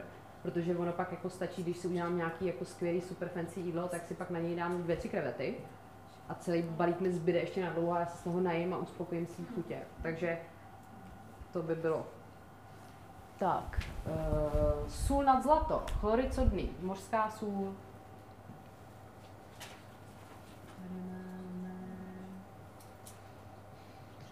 Tak. Uh, problém se solí je ten, že sůl je v organismu velice dráždivá a vysušující. Uh, kromě sodíku v něm nejsou žádné další mikroživiny. Pokud ta sůl je to tady ta klasická bílá a ta klasická mořská, ta mořská sůl je taková jako hodně podobná tomu chloridu sodnému, tak vlastně nemá vůbec pro nás zase žádný jako další užitek. Ehm, další věc je to, že sůl zabraňuje vylučování odpadů látkové výměny. To znamená, že například ehm, kyselina močová ehm, v těle tvoří krystalky, které se usazují například na kloubek a z toho vzniká reumatismus. A další věc je to, že tady u té soli je hodně velký problém s atopickým exémem, že vznikají pak různé vyrážky. Sůl způsobuje choroby ledvin, jater, projevuje se to hlavně otokama, zvyšuje krevní tlak, což je zase jeden z největších problémů jakoby civilizačních chorob, jedno z největších jako prvních pří, příček tady v tom. Eh, je to hrozně jednoduchý, čím nahradit sůl, eh, solí himalajskou, keltskou, sopečnou. Tady ty soli, když si s nima budu solit, tak si s nima klidně můžu solit hodně, protože mají v sobě tak neuvěřitelné množství minerálů a vitamin, který naše tělo potřebuje. A zajímavé je, že můžou uh, himalajskou sůl a tady ty další sůly můžou i děti, což je docela taky jakoby zajímavý. Takže pokud vlastně doma jenom vyměním tady ty soli, tak sůl mám vyřešenou, neřeším. Eh, když si jednou za čas dám něco slaného, nemůžu si vybrat, tak si zase radši vyberu, místo toho, abych jedla lepek nebo mléčný výrobky, nebo takhle si radši vyberu nějakou smaženou, sušenou zeleninu prostě v soli radši, než zase jako něco jiného. Je to vždycky o nějakém jako výběru. Takže keltská, himalajská, sopečná. Ve zdravých výživách nebo přes internet. A já třeba doma, my máme velkou docela spotřebu té himalajské soli, protože já vařím fakt ve velkém, takže já to vždycky prostě tam do toho sypu. No mi i přijde, že ona to kumí solí, jako. Mám takový jako pocit, no. Včera jsem se to mluvila s Věrou a... No. Ale mají i Jo, jo, tam mají občas obrovský balík, no. Tam mají no. No, no, no, no, no. A jinak ta keltská je taková domodrá, himalajská je taková růžová, sopečná je taková černá, strašně pákne po vejcích. Vegani, když si dělají jakoby náhrady e, různých vajec, tak si tam dávají tu sopečnou, ne každý to dá, mě třeba to moc nechutná, takže to já moc nepoužívám, ale je podle mě asi jako nejzdravější ze všech. E, další věc je cukr. Ten cukr mám na posledním místě, protože jak už jsem říkala, ten jako, eh, to není tak strašný, pokud teda nejste člověk, který opravdu jí cukr od rána do večera. Jsou takový lidi, kteří prostě snídají čokoládu, obědvají, obědvají prostě knedlíky s cukrem a uh, večeřejí prostě zase nějaký oplatky nebo něco. Prostě jo, může to být zase. Cukr, cukr je extrémně návykový a uh, co bychom do něj ještě zařadili? Nemluvíme jenom o bílém klasickém cukru, Bavíme se i o cukru třtinovém, protože když vidíte tady ten třtinový cukr, ten je dost světlej. Pokud už si chci kupovat nějaký zdravější cukr, měl by být tmavý. A ne, tady ten, ten je stejně vybělený a zase pak je tam dodatečně přidaný něco, aby to vypadalo. Jo? Takže bílej cukr třtinový, agave, syrup, taky blbý, další jiný světlý syrupy, fruktóza, kukuřičný syrup samozřejmě, levný med. Uh, jestli chci sladit medem, tak si potřebuji pořídit med, který je raw a bio, nebo z nějakého bližšího, nějakého třeba pěstitele okolo, u kterého víme, že je, uh, že se chová jakoby zodpovědně tady v tom uh, včelařském svým konání. A um, co dalšího o cukru? Cukr uh, nemá žádný mikroživiny. Je to úplně naprosto prázdná kalorie. Uh, pokud máme... Cože? Ten. Je, no. Ten, je, ten se v těle prostě přemění jako na na obyčej. Prosím? Ten je super. Ten je super. Ještě jednou? Ten je takový jako střední. Ten je, furt je tak hodně cukr, ale už tam jako něco v tom je. A je taky jako pasterizovaný, ale zase při nějaký nižší teplotě, takže furt v něm jako něco je, ale zase třeba strašně drahý. Ale je výborný. Ten je výborný. Když si něco chci jako polejtím, tak tak no. no. Uh, další problém s cukrem je, že pokud máme cukru v játrech dost, což máme všichni, tak uh, a stále ho stejně ho přijímáme, tak ten cukr se mění na, na tuk. Takže se nám zase jakoby ukládá tuk, uh, což zase máme potom větší šanci obezity. Uh, další věc je, že cukr způsobuje inzulínovou rezistenci, což není vůbec dobrý, z toho se tvoří tloušťka zase, to jsme si říkali s tím inzulínem, a cukrovka druhého typu. Kolísání krevního cukru jsme si už říkali u lepku, to je to samé. A co je docela zajímavé, že k metabolizaci jedné molekuly cukru je potřeba 56 molekul hořčíku. To znamená, že ten cukr, tím, že my ho jíme, tak to tělo se mu tak strašně brání, že snaží se to zase nějak jako tu kyselinu zase nějak jako mm, vyrovnat, tak nám odebírá vlastně vitamíny skupiny B, což nám zhoršuje paměť a hodně nám odebírá vákuum, hořčík a další minerály. Eh, zase, eh, jako všechny bílé jedy, je to kyselina, zároveň je to výborná potrava pro kvasinky. Candida albicans například si na tom hoduje. Takže třeba, když má člověk jako velký nutkání na cukr, tak dost často to je, že z něj jakoby hovoří právě tady ty jiné entity, které si říkají o to, na co mají chuť. A ten člověk je furt krmí a oni ty furt víc a víc a víc rostou, že jo. Pak je tam, to jsme si i říkali s tím krevním cukrem, že je návykový. Tak, Co ještě zajímavý, poslední věc cukru. Cukr narušuje kolagen. Čím více cukru máme v krvi, tím starší vypadáme. To je určitě pro lidi, kteří uh, chtějí mít prostě mladistvý vzhled, tak uh, chtějí si udržovat kolagen, tak by měli mít na paměti, že po každý vlastně, když si dají nějakou jako pokutinku prostě, tak jakoby ta, ta pleť tím trpí. Uh, náhrady už jsem docela říkala, to je ten romet, pak je skvělá sušená třtinová šťáva, je výborná, potom melasa, datle, a největší náhrada všech sladkých věcí je každý den snídat litr smutí. Protože když do sebe narvete tolik, eh, tolik té fruktózy, oni se hrozně často výživový, jako kdyby přišel nějaký výživový poradce a změřil mi kalorie v mém super smutí, tak mi řekne, že jsem se zbláznila. Jenomže tam je problém v tom, že to, není, to se nedá rozdělit, ten cukr se nedá oddělit z toho ovoce. To ovoce je dokonalá plodina. Ovoce je úplně perfektní celý, jaký je i se svojí peckou, se svojí šlubkou, se vším úplně dohromady je udělaný tak, aby člověk, když ho celý sní, aby měl užitek ze všeho. To znamená, že já nemůžu oddělit z toho jenom tu fruktózu a děsit se toho, že to je bílej cukr. Já potřebuju to celý snít. Eh, teď byste si mohli vzít ty mm, recepty, kde vlastně máte ode mě recept na Super Boost Immunity Smoothie, taky ho dostanete. A uh, tam máte popsaný teda, co tam je. Takže uh, tohle je taková jako dávka, te, podle, záleží, kolik si tam toho do toho dáte vody, ale tahle ta dávka je takový třeba litr, litr a půl, což je ideální pro člověka. Ze začátku většinou někdo není zvyklý a nezvládne to celý vypít, takže se to učí postupně, jakoby navyšuje tu dávku. Eh, když si to smutí udělám a zjistím, že už ho nemůžu, nebo už vidím rovnou, že ho mám hrozně moc, tak si vezmu skleněný šroubovací lahven, úplně výborný, mají v Kauflandu, tam je takový juice, ten stojí 12 korun, asi za juice, jo.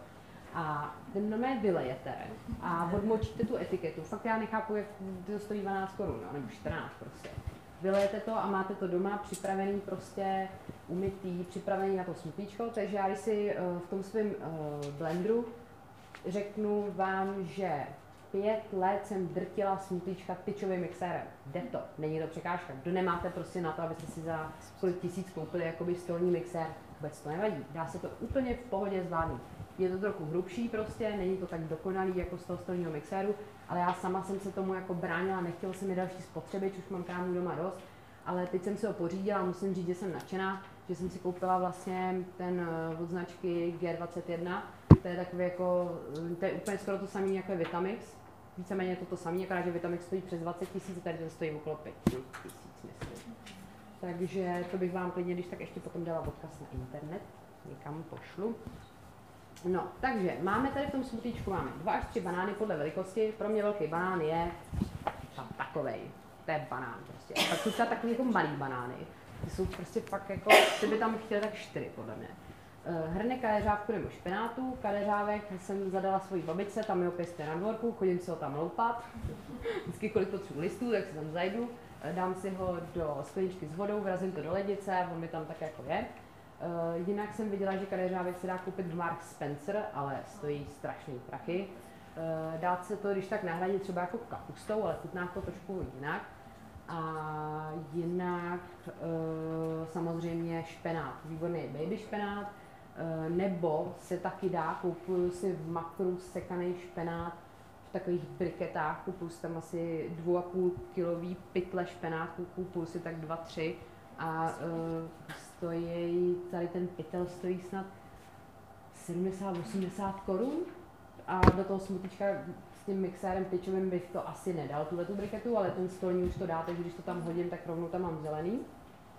A pak tam mám půl hrnku mražených brusinek, půl hrnku mražených malin, zase kupuju to na obrovský kila v makru, mám to v mrazáku, podle chuti si ráno vybírám, jestli chci Eh, jestli chci, jsem teda hrozně předená lesní směsi, to už nemůžu ani vidět. To je nejlevnější, nejzdravější, ale je tam taky nejvíc semínek a už, jakoby, už, už mi to nechutná. Takže si to kupuju zvlášť, zvlášť jahody, maliny, ostružiny, borůvky.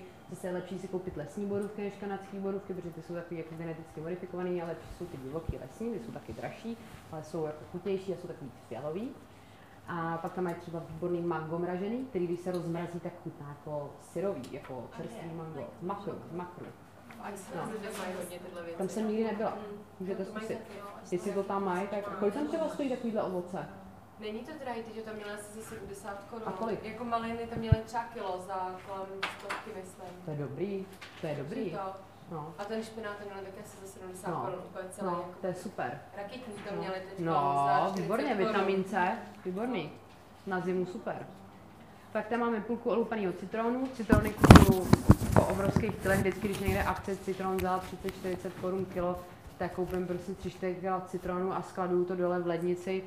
Takový ten šuplík na zeleninu. Jsem prosím vás přišla na to, že úplně nejlepší je, pokaždé, když tam dávám novou várku zeleniny, tak si ho jakoby vymeju, vysuším a dám tam čistou suchou utěrku. To je normálně zázrak. Ono to absorbuje tu, tu vlhkost a to, to, to, ten ovozel tam vydrží o hodně díl.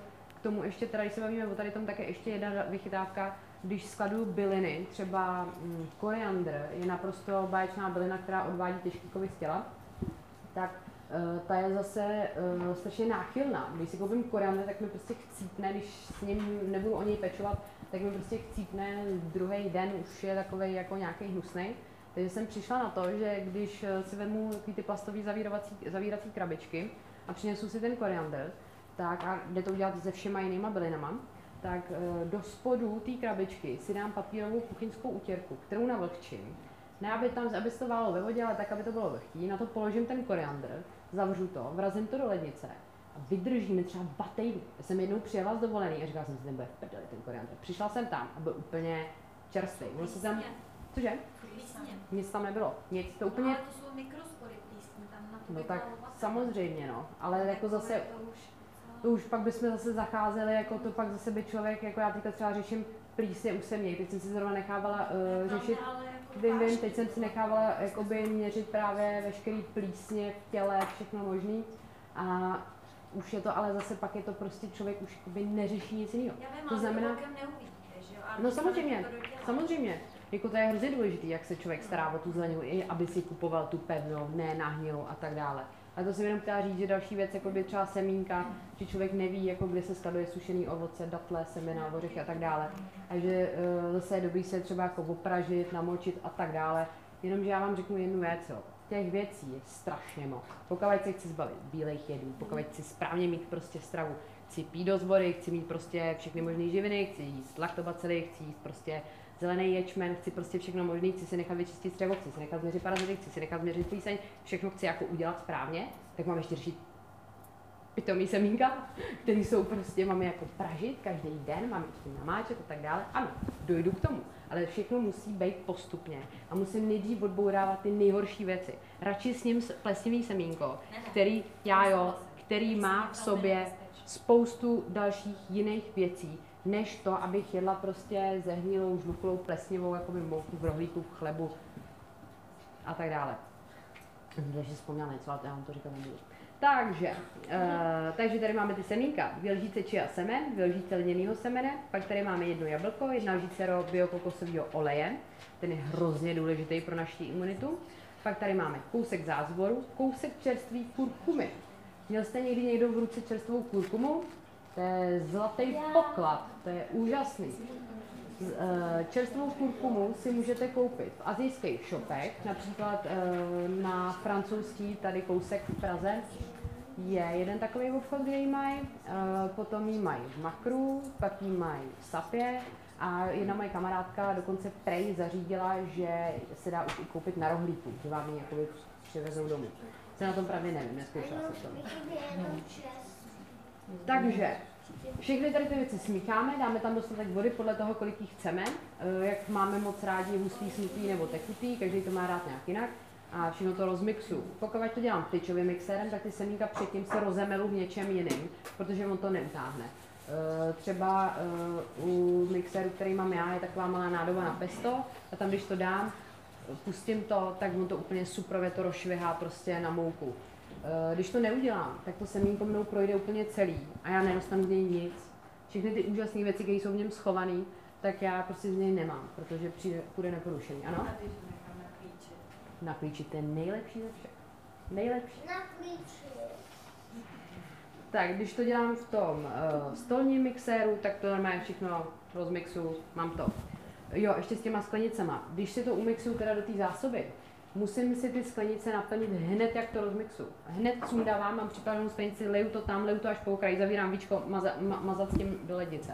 Když uh, to neudělám, tak to zbytečně oxiduje, je dobré tam mít co nejmenší prostor pro to, aby se tam začaly dít nějaké jakoby další věci, protože zrovna třeba ty semena uh, žluknou časem a tak dále. Nejlepší je to vypít syrový, ale zase, uh, když nemám možnost něčeho jiného, tak je to pro mě lepší si dát třeba den starý smutý, který mám čerstvě udělaný v lednici, než zase prostě do sebe spát něco jiného.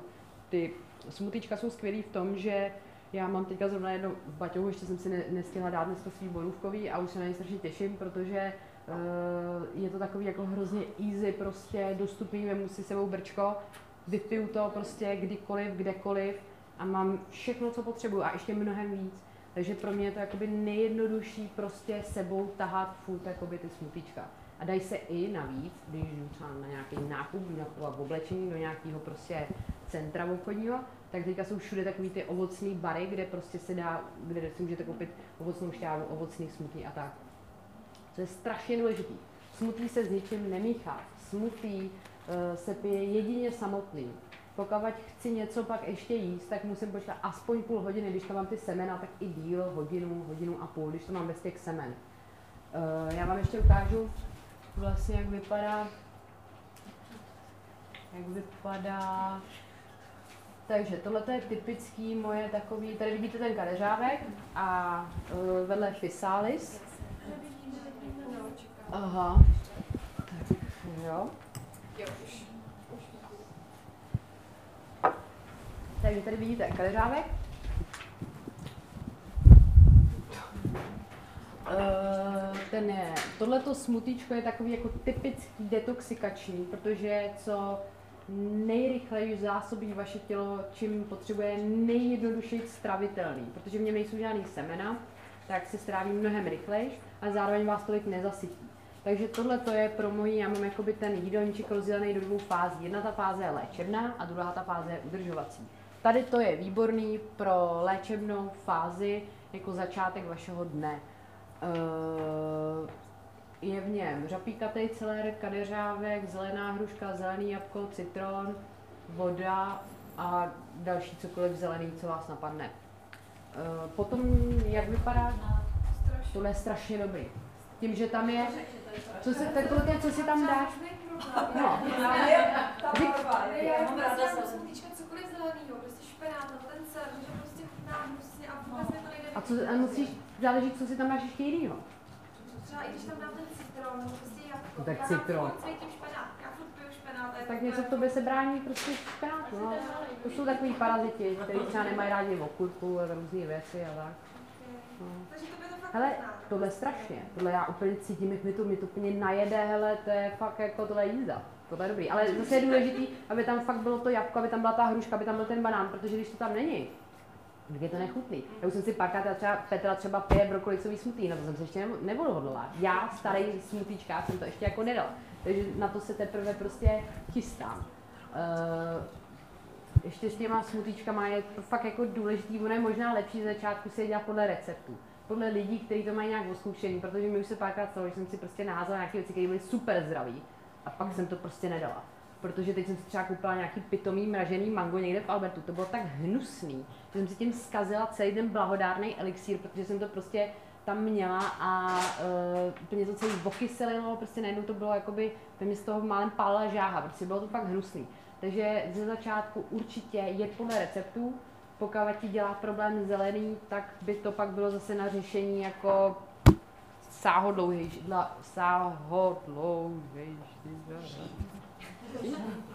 A?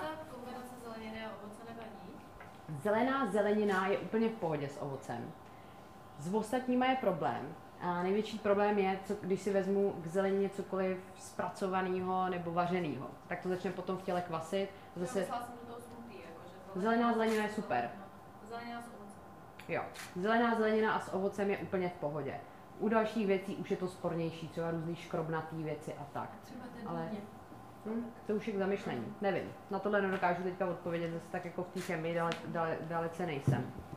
Mm, tohle to bylo teda to zelený. Jako dává se mrkev, mě to třeba moc nechutná, protože je takový tvrdý, ale jako dává se no. Pak tady mám ještě tohleto smutíčko a tady zase je spousta už semen, to tam je i vidět a je vlastně s borůvkama a tak. A tam jsou různý bobule, nahoře jsou jedny květy. Tak, to bychom měli tohleto. Nutritariánský jídelníček. Eh, Léčebná fáze. Jak jsem říkala, doktor Furman je dost ostrý, takže já eh, to mám takový jako uvolněnější, vys tady ta eh, protizánětlivá pyramida od doktora Freje. A jak vypadá léčebná fáze nutritariána, který se rozhodnul, že se sebou něco bude dělat. Takže v první řadě, první bod, ráno, když se vzbudím, jdu si okamžitě udělat čaj, třeba litr čaje. Eh, Může to být buď to klidně jenom horká voda, anebo to může být třeba slabý, slabý biozelený čaj, nebo třeba slabý rojbos.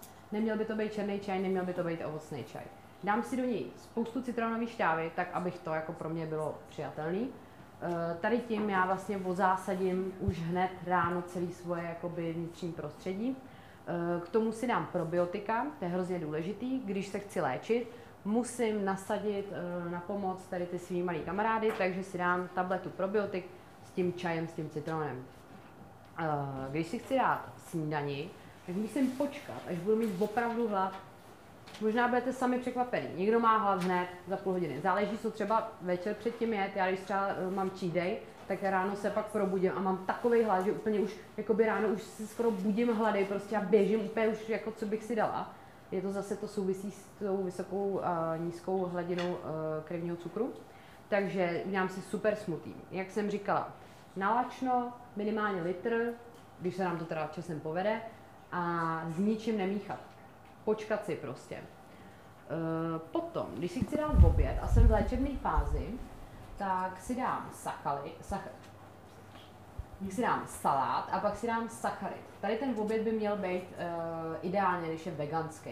Maximálně, když tam nějaký třeba jako tuk, jako třeba biomáslo. Jak vypadá ideální oběd v léčebné fázi? Tohle je z našeho nutritariánského srazu nedávno, to jsme tam připravili společnýma silama. A tam vidíte bezlepkový chleba z pekárny Velim, který je moc dobrý. Pak tam vidíte nějaký uh, veganský pomazánky a spoustu syrové zeleniny. Ty chipsy jsou prosím pěkně zelený banán. To tam bylo takový, aby to možná znáte, druh zeleného banánu plantain se to jmenuje. To je vlastně takový jako, takový jako banán, který je trochu jako brambora prostě. Dobrý, no. Takže to jako je to smažený, no, ale tak co, jako je to bez lepku, je to vegan, nazdar. Takže sem tam to prostě člověk musí trošku jako povolit. Pak tady máme teda zelenou zeleninu, jedna spousta koriandru, jsou tam úžasný, úžasný, milu tady ty olivy, jmenují si nějak cherry moja, nebo nějak takhle se jmenují, měli je teďka nějak v Albertu. A ty jsou strašně dobrý, ty chutnají jak maso, jsou takový jako trochu uzený a jsou takový jako strašně zvláštní, jsou pevný, vůbec to nejsou takový ty rozměklý, hnusný levný olivy. Takže takhle vypadá vlastně ideální jakoby eh, léčebný oběd, kdy tím, že já nejdřív s ním tu zelenou potravinu, tak, tu zelenou syrovou stravu, tak do sebe dostanu, dostanu tu potřebnou zásaditou uh, složku s vlákninou, která zpomalí jakoby uh, ten, uh, nebo která vlastně připraví ten, uh, ten žaludek na to, že uh, vlastně naředí po tom, co přijde. Pak přijde koncentrovaná potravina, kterou člověk dokáže najednou jako jednoduše strávit pouze jednu jedinou koncentrovanou potravinu. To znamená jakoby denaturovanou, to znamená jakoby bez vody. Takže tam si vybereme uh, sacharid, protože pokud chci být nutritarián, tak se snažím celým dnem projít uh, od nejlehčího po nejtěžší. To znamená, že začínám jako vitarián, v oběd vám jako vegan a k večeři jsem prostě klidně zase vegan, nebo jsem pescetarián, nebo jsem nutritarián, prostě podle toho, co si vyberu. To znamená, že snídám raw smoothie, oběd vám raw salát s nějakým sacharidem kvalitním a večeřím zase nějakou syrovou zeleninu a tomu si dávám nějakou kvalitní bílkovinu. Je už jedno, jestli chcete prostě, aby byla veganská, anebo jestli si vyberete nějakou kvalitní živočišnou, ale je zase dobrý mít na paměti, že ta živočišná je jako ve většině případů je na chuť, takže si fakt vybírám ten zdroj. Jak vypadá moje, tady jsem to teda hodně vyskládala, já jsem si s tím poprvé životě hrála s pinzetou, to byla sranda. Tak tohle to je prosím vás uh, bio hovězí pečený na smrkových výhoncích mladých, které jsou teda jenom na jaře, ty jsou strašně dobrý. A na zeleném pepři, to je taková vomáčka, a pak je tam chřest a jsou tam houby a kolem dokola je jedlá vykev divoká. Uh, to by byla pak ještě jako úplně obrovská, uh, obrovský jakoby odvětví, který mě hrozně zajímá, jsou vlastně jedlí divoký rostliny a byliny, kterými můžeme zadarmo si někde natrhat a máme tam prostě neuvěřitelný uh, fytochemikálie, který jinak nemáme šanci do sebe dostat. To ještě jsem tak jakoby hodně v takovém, v takovém pádacím jakoby procesu, mám různé knihy, chodím trhat různé věci, netroufnu si ještě na některé druhy, ale třeba zrovna ta bikev, to je taková se to je trošku něco jako hrášek divoký. A tady vidíte, že to je právě nakombinovaný tak, že tam vlastně máme jenom bílkovinu koncentrovanou a nemáme tam žádný sacharid. Eh, kdybych tam měla u toho bramboru, tak mám problém s tím, že eh, když já si to dám do toho žaludku, tak eh, vzhledem k tomu, že ten žaludek neví, nemá, nemá tam jenom buď to ten sacharid nebo jenom tu bílkovinu, tak on celý to všechno musí, protože každá ta věc se tráví jinak, tak on musí všechno celý zneutralizovat to znamená, že celý ten proces toho trávení se natáhne o několik hodin, což je vždycky nežádoucí. A vlastně pak zase, ještě když tam třeba není jako dost vlákniny, když jsou to teda jenom brambory a maso, tak to zase prochází strašně dlouho, zase to tam strašně dlouho hně a prostě dělá to tam jakoby neplechu v tom střevě. Takže takhle by, mohl vypadat, takhle by mohla vypadat večeře. A pak tady mám Samozřejmě u toho, u toho, u té léčebné fáze je strašně důležitý dát si ten detox střev, nechat si je vyčistit, nechat uh, si je nějak, jakoby, uh, nějak si je prostě jinak i ošetřit, nechat si třeba změřit ty parazity, ty plísně, ono když pak jdete na ten hydroklon a vidíte tam ty věci, které sobě nosíte, tak už máme pak jakoby docela i líto si tam zase dávat znova ty stejné věci, protože tam prostě nechcete mít. Když tam vidíte prostě ty pavučiny těch plísní, kterých je strašně moc, a ty černé kameny, které jsou staré prostě 15-20 let, někdy i mnohem díl, tak prostě, a nebo když pak i třeba vím z vyprávění, že třeba v tom přístroji je vidět prostě takhle dlouhá jakoby nějaká prostě ta semnice a tak dále, tak, eh, a to se bavíme jenom o těch mrtvých zbytkách, to se vůbec nebavíme o tom, co žije v tenkém střevě, jo. Takže eh, člověk si to pak jako vlastně, on si jako zaplatí za ten hydrokolon, díky tomu detoxikuje, tam je teda dobrý to podporovat zase různýma uh, bylinnýma preparátama, s tím vám může poradit spousta lidí, je spousta knih, spousta jako různých detoxů, ale je dobrý, že když si člověk vlastně zaplatí ten hydrokolon, tak nejenom, že on udělá pro sebe fakt hodně, že si vyčistí to střevo a ono může vstřebávat dál vlastně ty živiny, ale vlastně jakoby uh, investuje sám do sebe a najednou si toho víc váží, najednou to víc chápe, jako, najednou jakoby víc vlastně si i tak jako popovídá s, s tou doktorkou třeba a jakoby víc to chápe celý a přistupuje k tomu trošku jinak. Uh, to byla ta léčebná fáze. A teď ta udržovací. Pokud člověk není nějaký jako nemocný, nemá nějaký chronický problémy, já jsem si třeba teďka uh, jsem třeba byla hodně, hodně v pohodě, předtím, než jsem otěhotněla, tak jsem si myslela, že jsem na úplně jako, že jsem úplně zdravá, že všechno je v pohodě prostě. A tady tím těhotenstvím a uh, jsem tam uh, nějakýma bílejma jedama, kdy jsem to prostě nemohla v těhotenských chutích zvládnout. Jsem si pěkně počuchnila organismus, ale hlavně já jsem se teďka jakoby dostala díky tomu, že teď už jsem teda přestala kojit, kojila jsem rok, bylo to ostrý, uh, tak uh, prostě konečně jsem si mohla udělat pořádnou detoxikaci a já jsem začala vyhrabávat ty nejstarší toxické nánosy, které jsem v sobě měla, už jsem si myslela, že to je šešerný prostě. A začala jsem to všechno jako řešit. A teď to všechno jde s těma vylučovacíma orgánama, což je třeba kůže. Takže prostě okamžitě, prostě pleť jsem měla hodně špatnou díky těhotenství, kojení hormonům a tak. A teďka během té detoxikace se to tak rozjelo, že prostě jsem si myslela, že jsem na tom jako fakt blbě, ale třeba po nějaký prvním týdnu na silové stravě, výpla, výplaších střev a těch dalších věcech jsem tu pleť měla tak strašnou, že jsem si už fakt říkala, to není možný. Prostě a pak mi všichni lidi, mi pak mě vždycky někdo vidí a říká, to máš z toho jaký zdravě, pojď tak vypadáš. A já, jo, jo, jo, jo. Takže teď jsem si začala vykopávat ty nejstarší, prostě v tom, těch nejhor, nejhornějších zákrutech střev, ty nejstarší záležitosti prostě a teď jsem jakoby na takové jako cestě, která je pro mě hodně poučná a jdu fakt jako do hloubky. Ale prosím vás, tohle to se mi stalo až po šesti letech usilovného bádání, co vlastně se svým tělem chci. Nic nejde hned, je to prostě opravdu o nějakých postupných krocích, které jsou strašně důležitý. Já jsem zase hrozný perfekcionista, snažím se všechno dělat dokonale prostě a všechno mít jako perfektní, náhned všechno dát na první dobrou. U tohohle to nejde. Člověk na sebe vyvíjí tak neuvěřitelný tlak, že akorát prostě akorát má spoustu stresu a prostě o to víc to nedá. Takže o tom pak ještě budu mluvit. Eh, co teda teď, když byste chtěli aktuálně něco dělat udržovací fáze pro člověka, který je v pohodě, který nemá nějaký jako extrémní chronický problémy, který uh, to chce řešit a potřebuje jenom tak jako lehce jakoby vyladit prostě uh, ten svůj tělesný pocit, anebo pro člověka, který chce prostě vědomně jít zdravě, preventivně, budovat si super imunitu a uh, jít trochu pryč od toho mainstreamu, tak vlastně um, udržovací fáze. Uh, První věc je snídaně, zase až když je hlad, je dobrý poslouchat svý tělo. A je to, eh, první snídaně je samozřejmě super smutý, jako vždycky. Eh, to je prostě v jakýkoliv fázi, pokud chci jako nutritarián do sebe narvat co největší možný maximum všech báječných živin, musím si ráno nalačný žaludek prostě do těla, který je naprosto připravený přijmout všechno, absorbovat všechno, co mu dám, tak si prostě udělat uh, elixír života rozmixovat. Takže smutý. Uh, to jsme si ukazovali, jak vypadá. Uh, oběd. Mm, k obědu je super si zase dát nějakou rozeleninu a pak si k němu dát uh, nějaký vařený jídlo, který bude bez lepku, bez laktózy, bez konvenčního jatečního masa.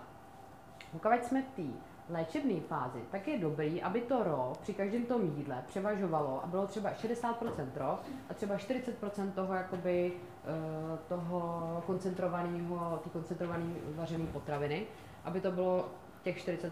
Pokud jsme tady v té udržovací fázi, tak si myslím, že bohatě stačí, když tý ro zeleniny je 40% a toho druhého jídla je jakoby 60%. tam záleží to, aby člověk si to dal první. Když jdu do restaurace a nebo chci jakoby si trochu jakoby zaprasit nebo tohle, tak si prostě nejdřív dám nějaký malý salát, nebo si vytáhnu prostě pytel z mrkví, prostě se to tam pokroupám a teprve potom si dám něco, protože vím, že eh, tady tím, tady, tady tou věcí já prostě můžu potom eh, mnohem líp zpracovat ty jedy, který si dávám do toho těla, že jo. Takže to by byl oběd. Večeře je úplně stejná. Zase kus nějaký roh zeleniny a nějaký vařený jídlo bez lepku, bez laktózy, bez konvenčního jatečního masa, zase 40 na 60 eh, ten poměr toho a toho vařeného. A vám ukážu, jak vypadá teda uh, udržovací fáze. Tady to je uh, biokuřecí maso pečený v mrkvi a v dýni, v takové jakoby vomáčce, takový trošku jako svíčková. Je to jako dušený, vždycky když dělám ty masa, mám ráda, aby to bylo úplně měkký, takže to dělám v litinových hrncích přiklopený na hodně málo, třeba na stovku, takové to prostě nezměkne. A k tomu je tamhle fialová rejže a syrová zelenina. Uh, ještě tady mám... To tady... No, když jsem v udržovací fázi, tak ne. Protože to tělo si s tím poradí, protože jak vidím, tak už eh, tady ty věci jsou jako mm, dostatečně barevný, hodnotný k tomu, aby, eh, aby to nebyl takový průšvih, jako když si dám prostě knedlo vepřozel. No. Je to prostě rozdíl. Tady vidíte kus lososa, tam nahoře je omáčka baba ganouš, to jsou rozmixované pečené lilky, to mám strašně ráda, to je takový uh, arabský jídlo. Eh, Potom jsou tam rajčata, olivy, různý druhy, mám strašně ráda olivy kalamáta, ne každému chutná, je, je dobrý si na ně jako zvyknout, když tak. Olivy jsou zdraví skoro všechny, je tam problém s tím, že je v nich často spoustu jako nezdravých soli, ale olivy a olivový olej je mm, vysoce blahodárná záležitost. A pak tam mám kořenovou zeleninu dělanou v páře a tam dole jsou fialové brambory, které se koupit třeba v uh, makru. Pak jsou tam ještě kapary, nějaký klíčky a biomáslo, super. Takže takovýhle oběd mě jako naprosto uspokojí a nemusím mít žádný výčitky.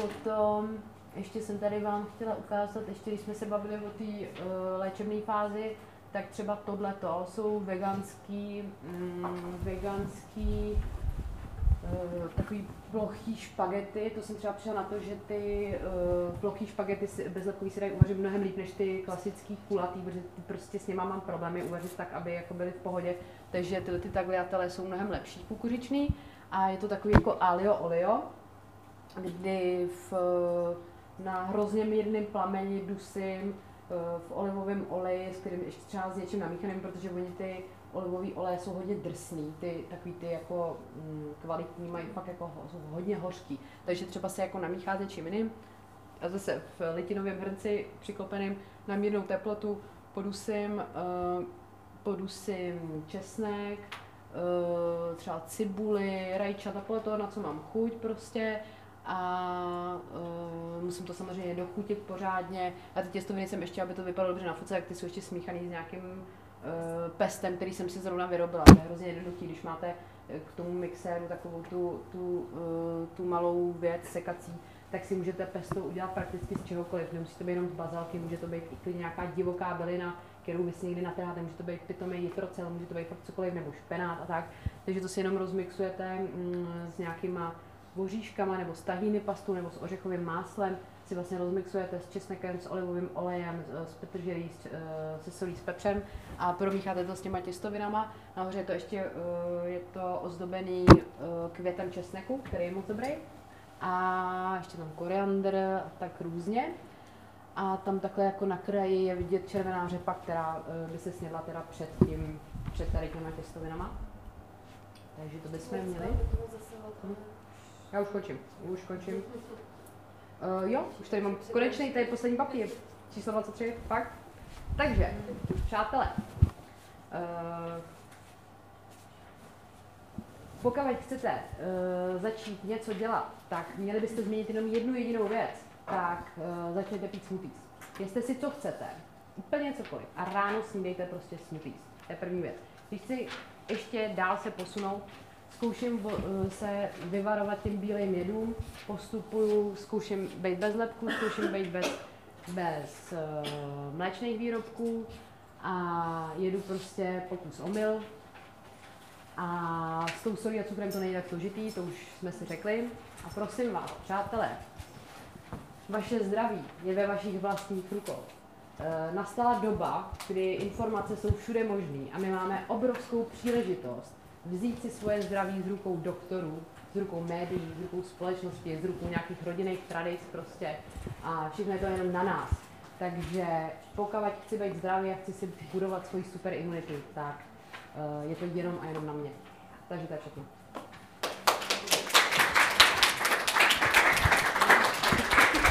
Díky moc, díky, díky, díky. A další bude, by měla začínat ve dvě hodiny, ale paní Hřivňáková tady ještě není, takže teď tak 10 minut pauza. A Kdybyste se tady- chtěl rychle někdo něco zeptat, tak můžem. Tak je aspoň čas na dotaz.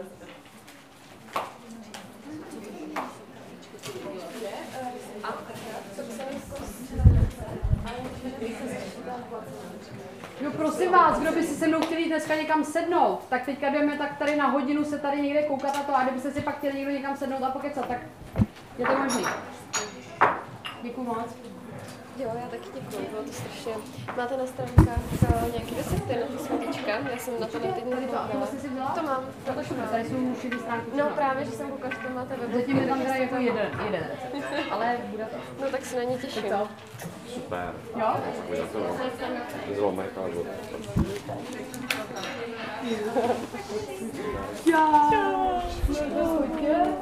Čau. To je jiná zase? Jo. Teď jsme tady ale pobalit. Jo, to tam Aspoň tak třeba asi teda nebudu. No. Spinka, no. Nemáte dítě? Speedray. Čau. Jsi se jednou viděli, že? Jo, já vím. Jo, hele, kdy mi to pošle, kdy mi to No, pošle. Nevím, nevím. Myslím si, že jsi přišel, dík. Ty opány, byl jsem umorek, ty nejsi byl. Já jsem byl. Aha. Ale pracuji tak teda se zbalím a jdu, jo. Takže tam máme auto, to jako... Čau. Ještě máte to nahrávadlo v kapse, tak já Aha. ještě... Jasně, to nekradnu. ne, tak že to teď nahrávám. Myslím, že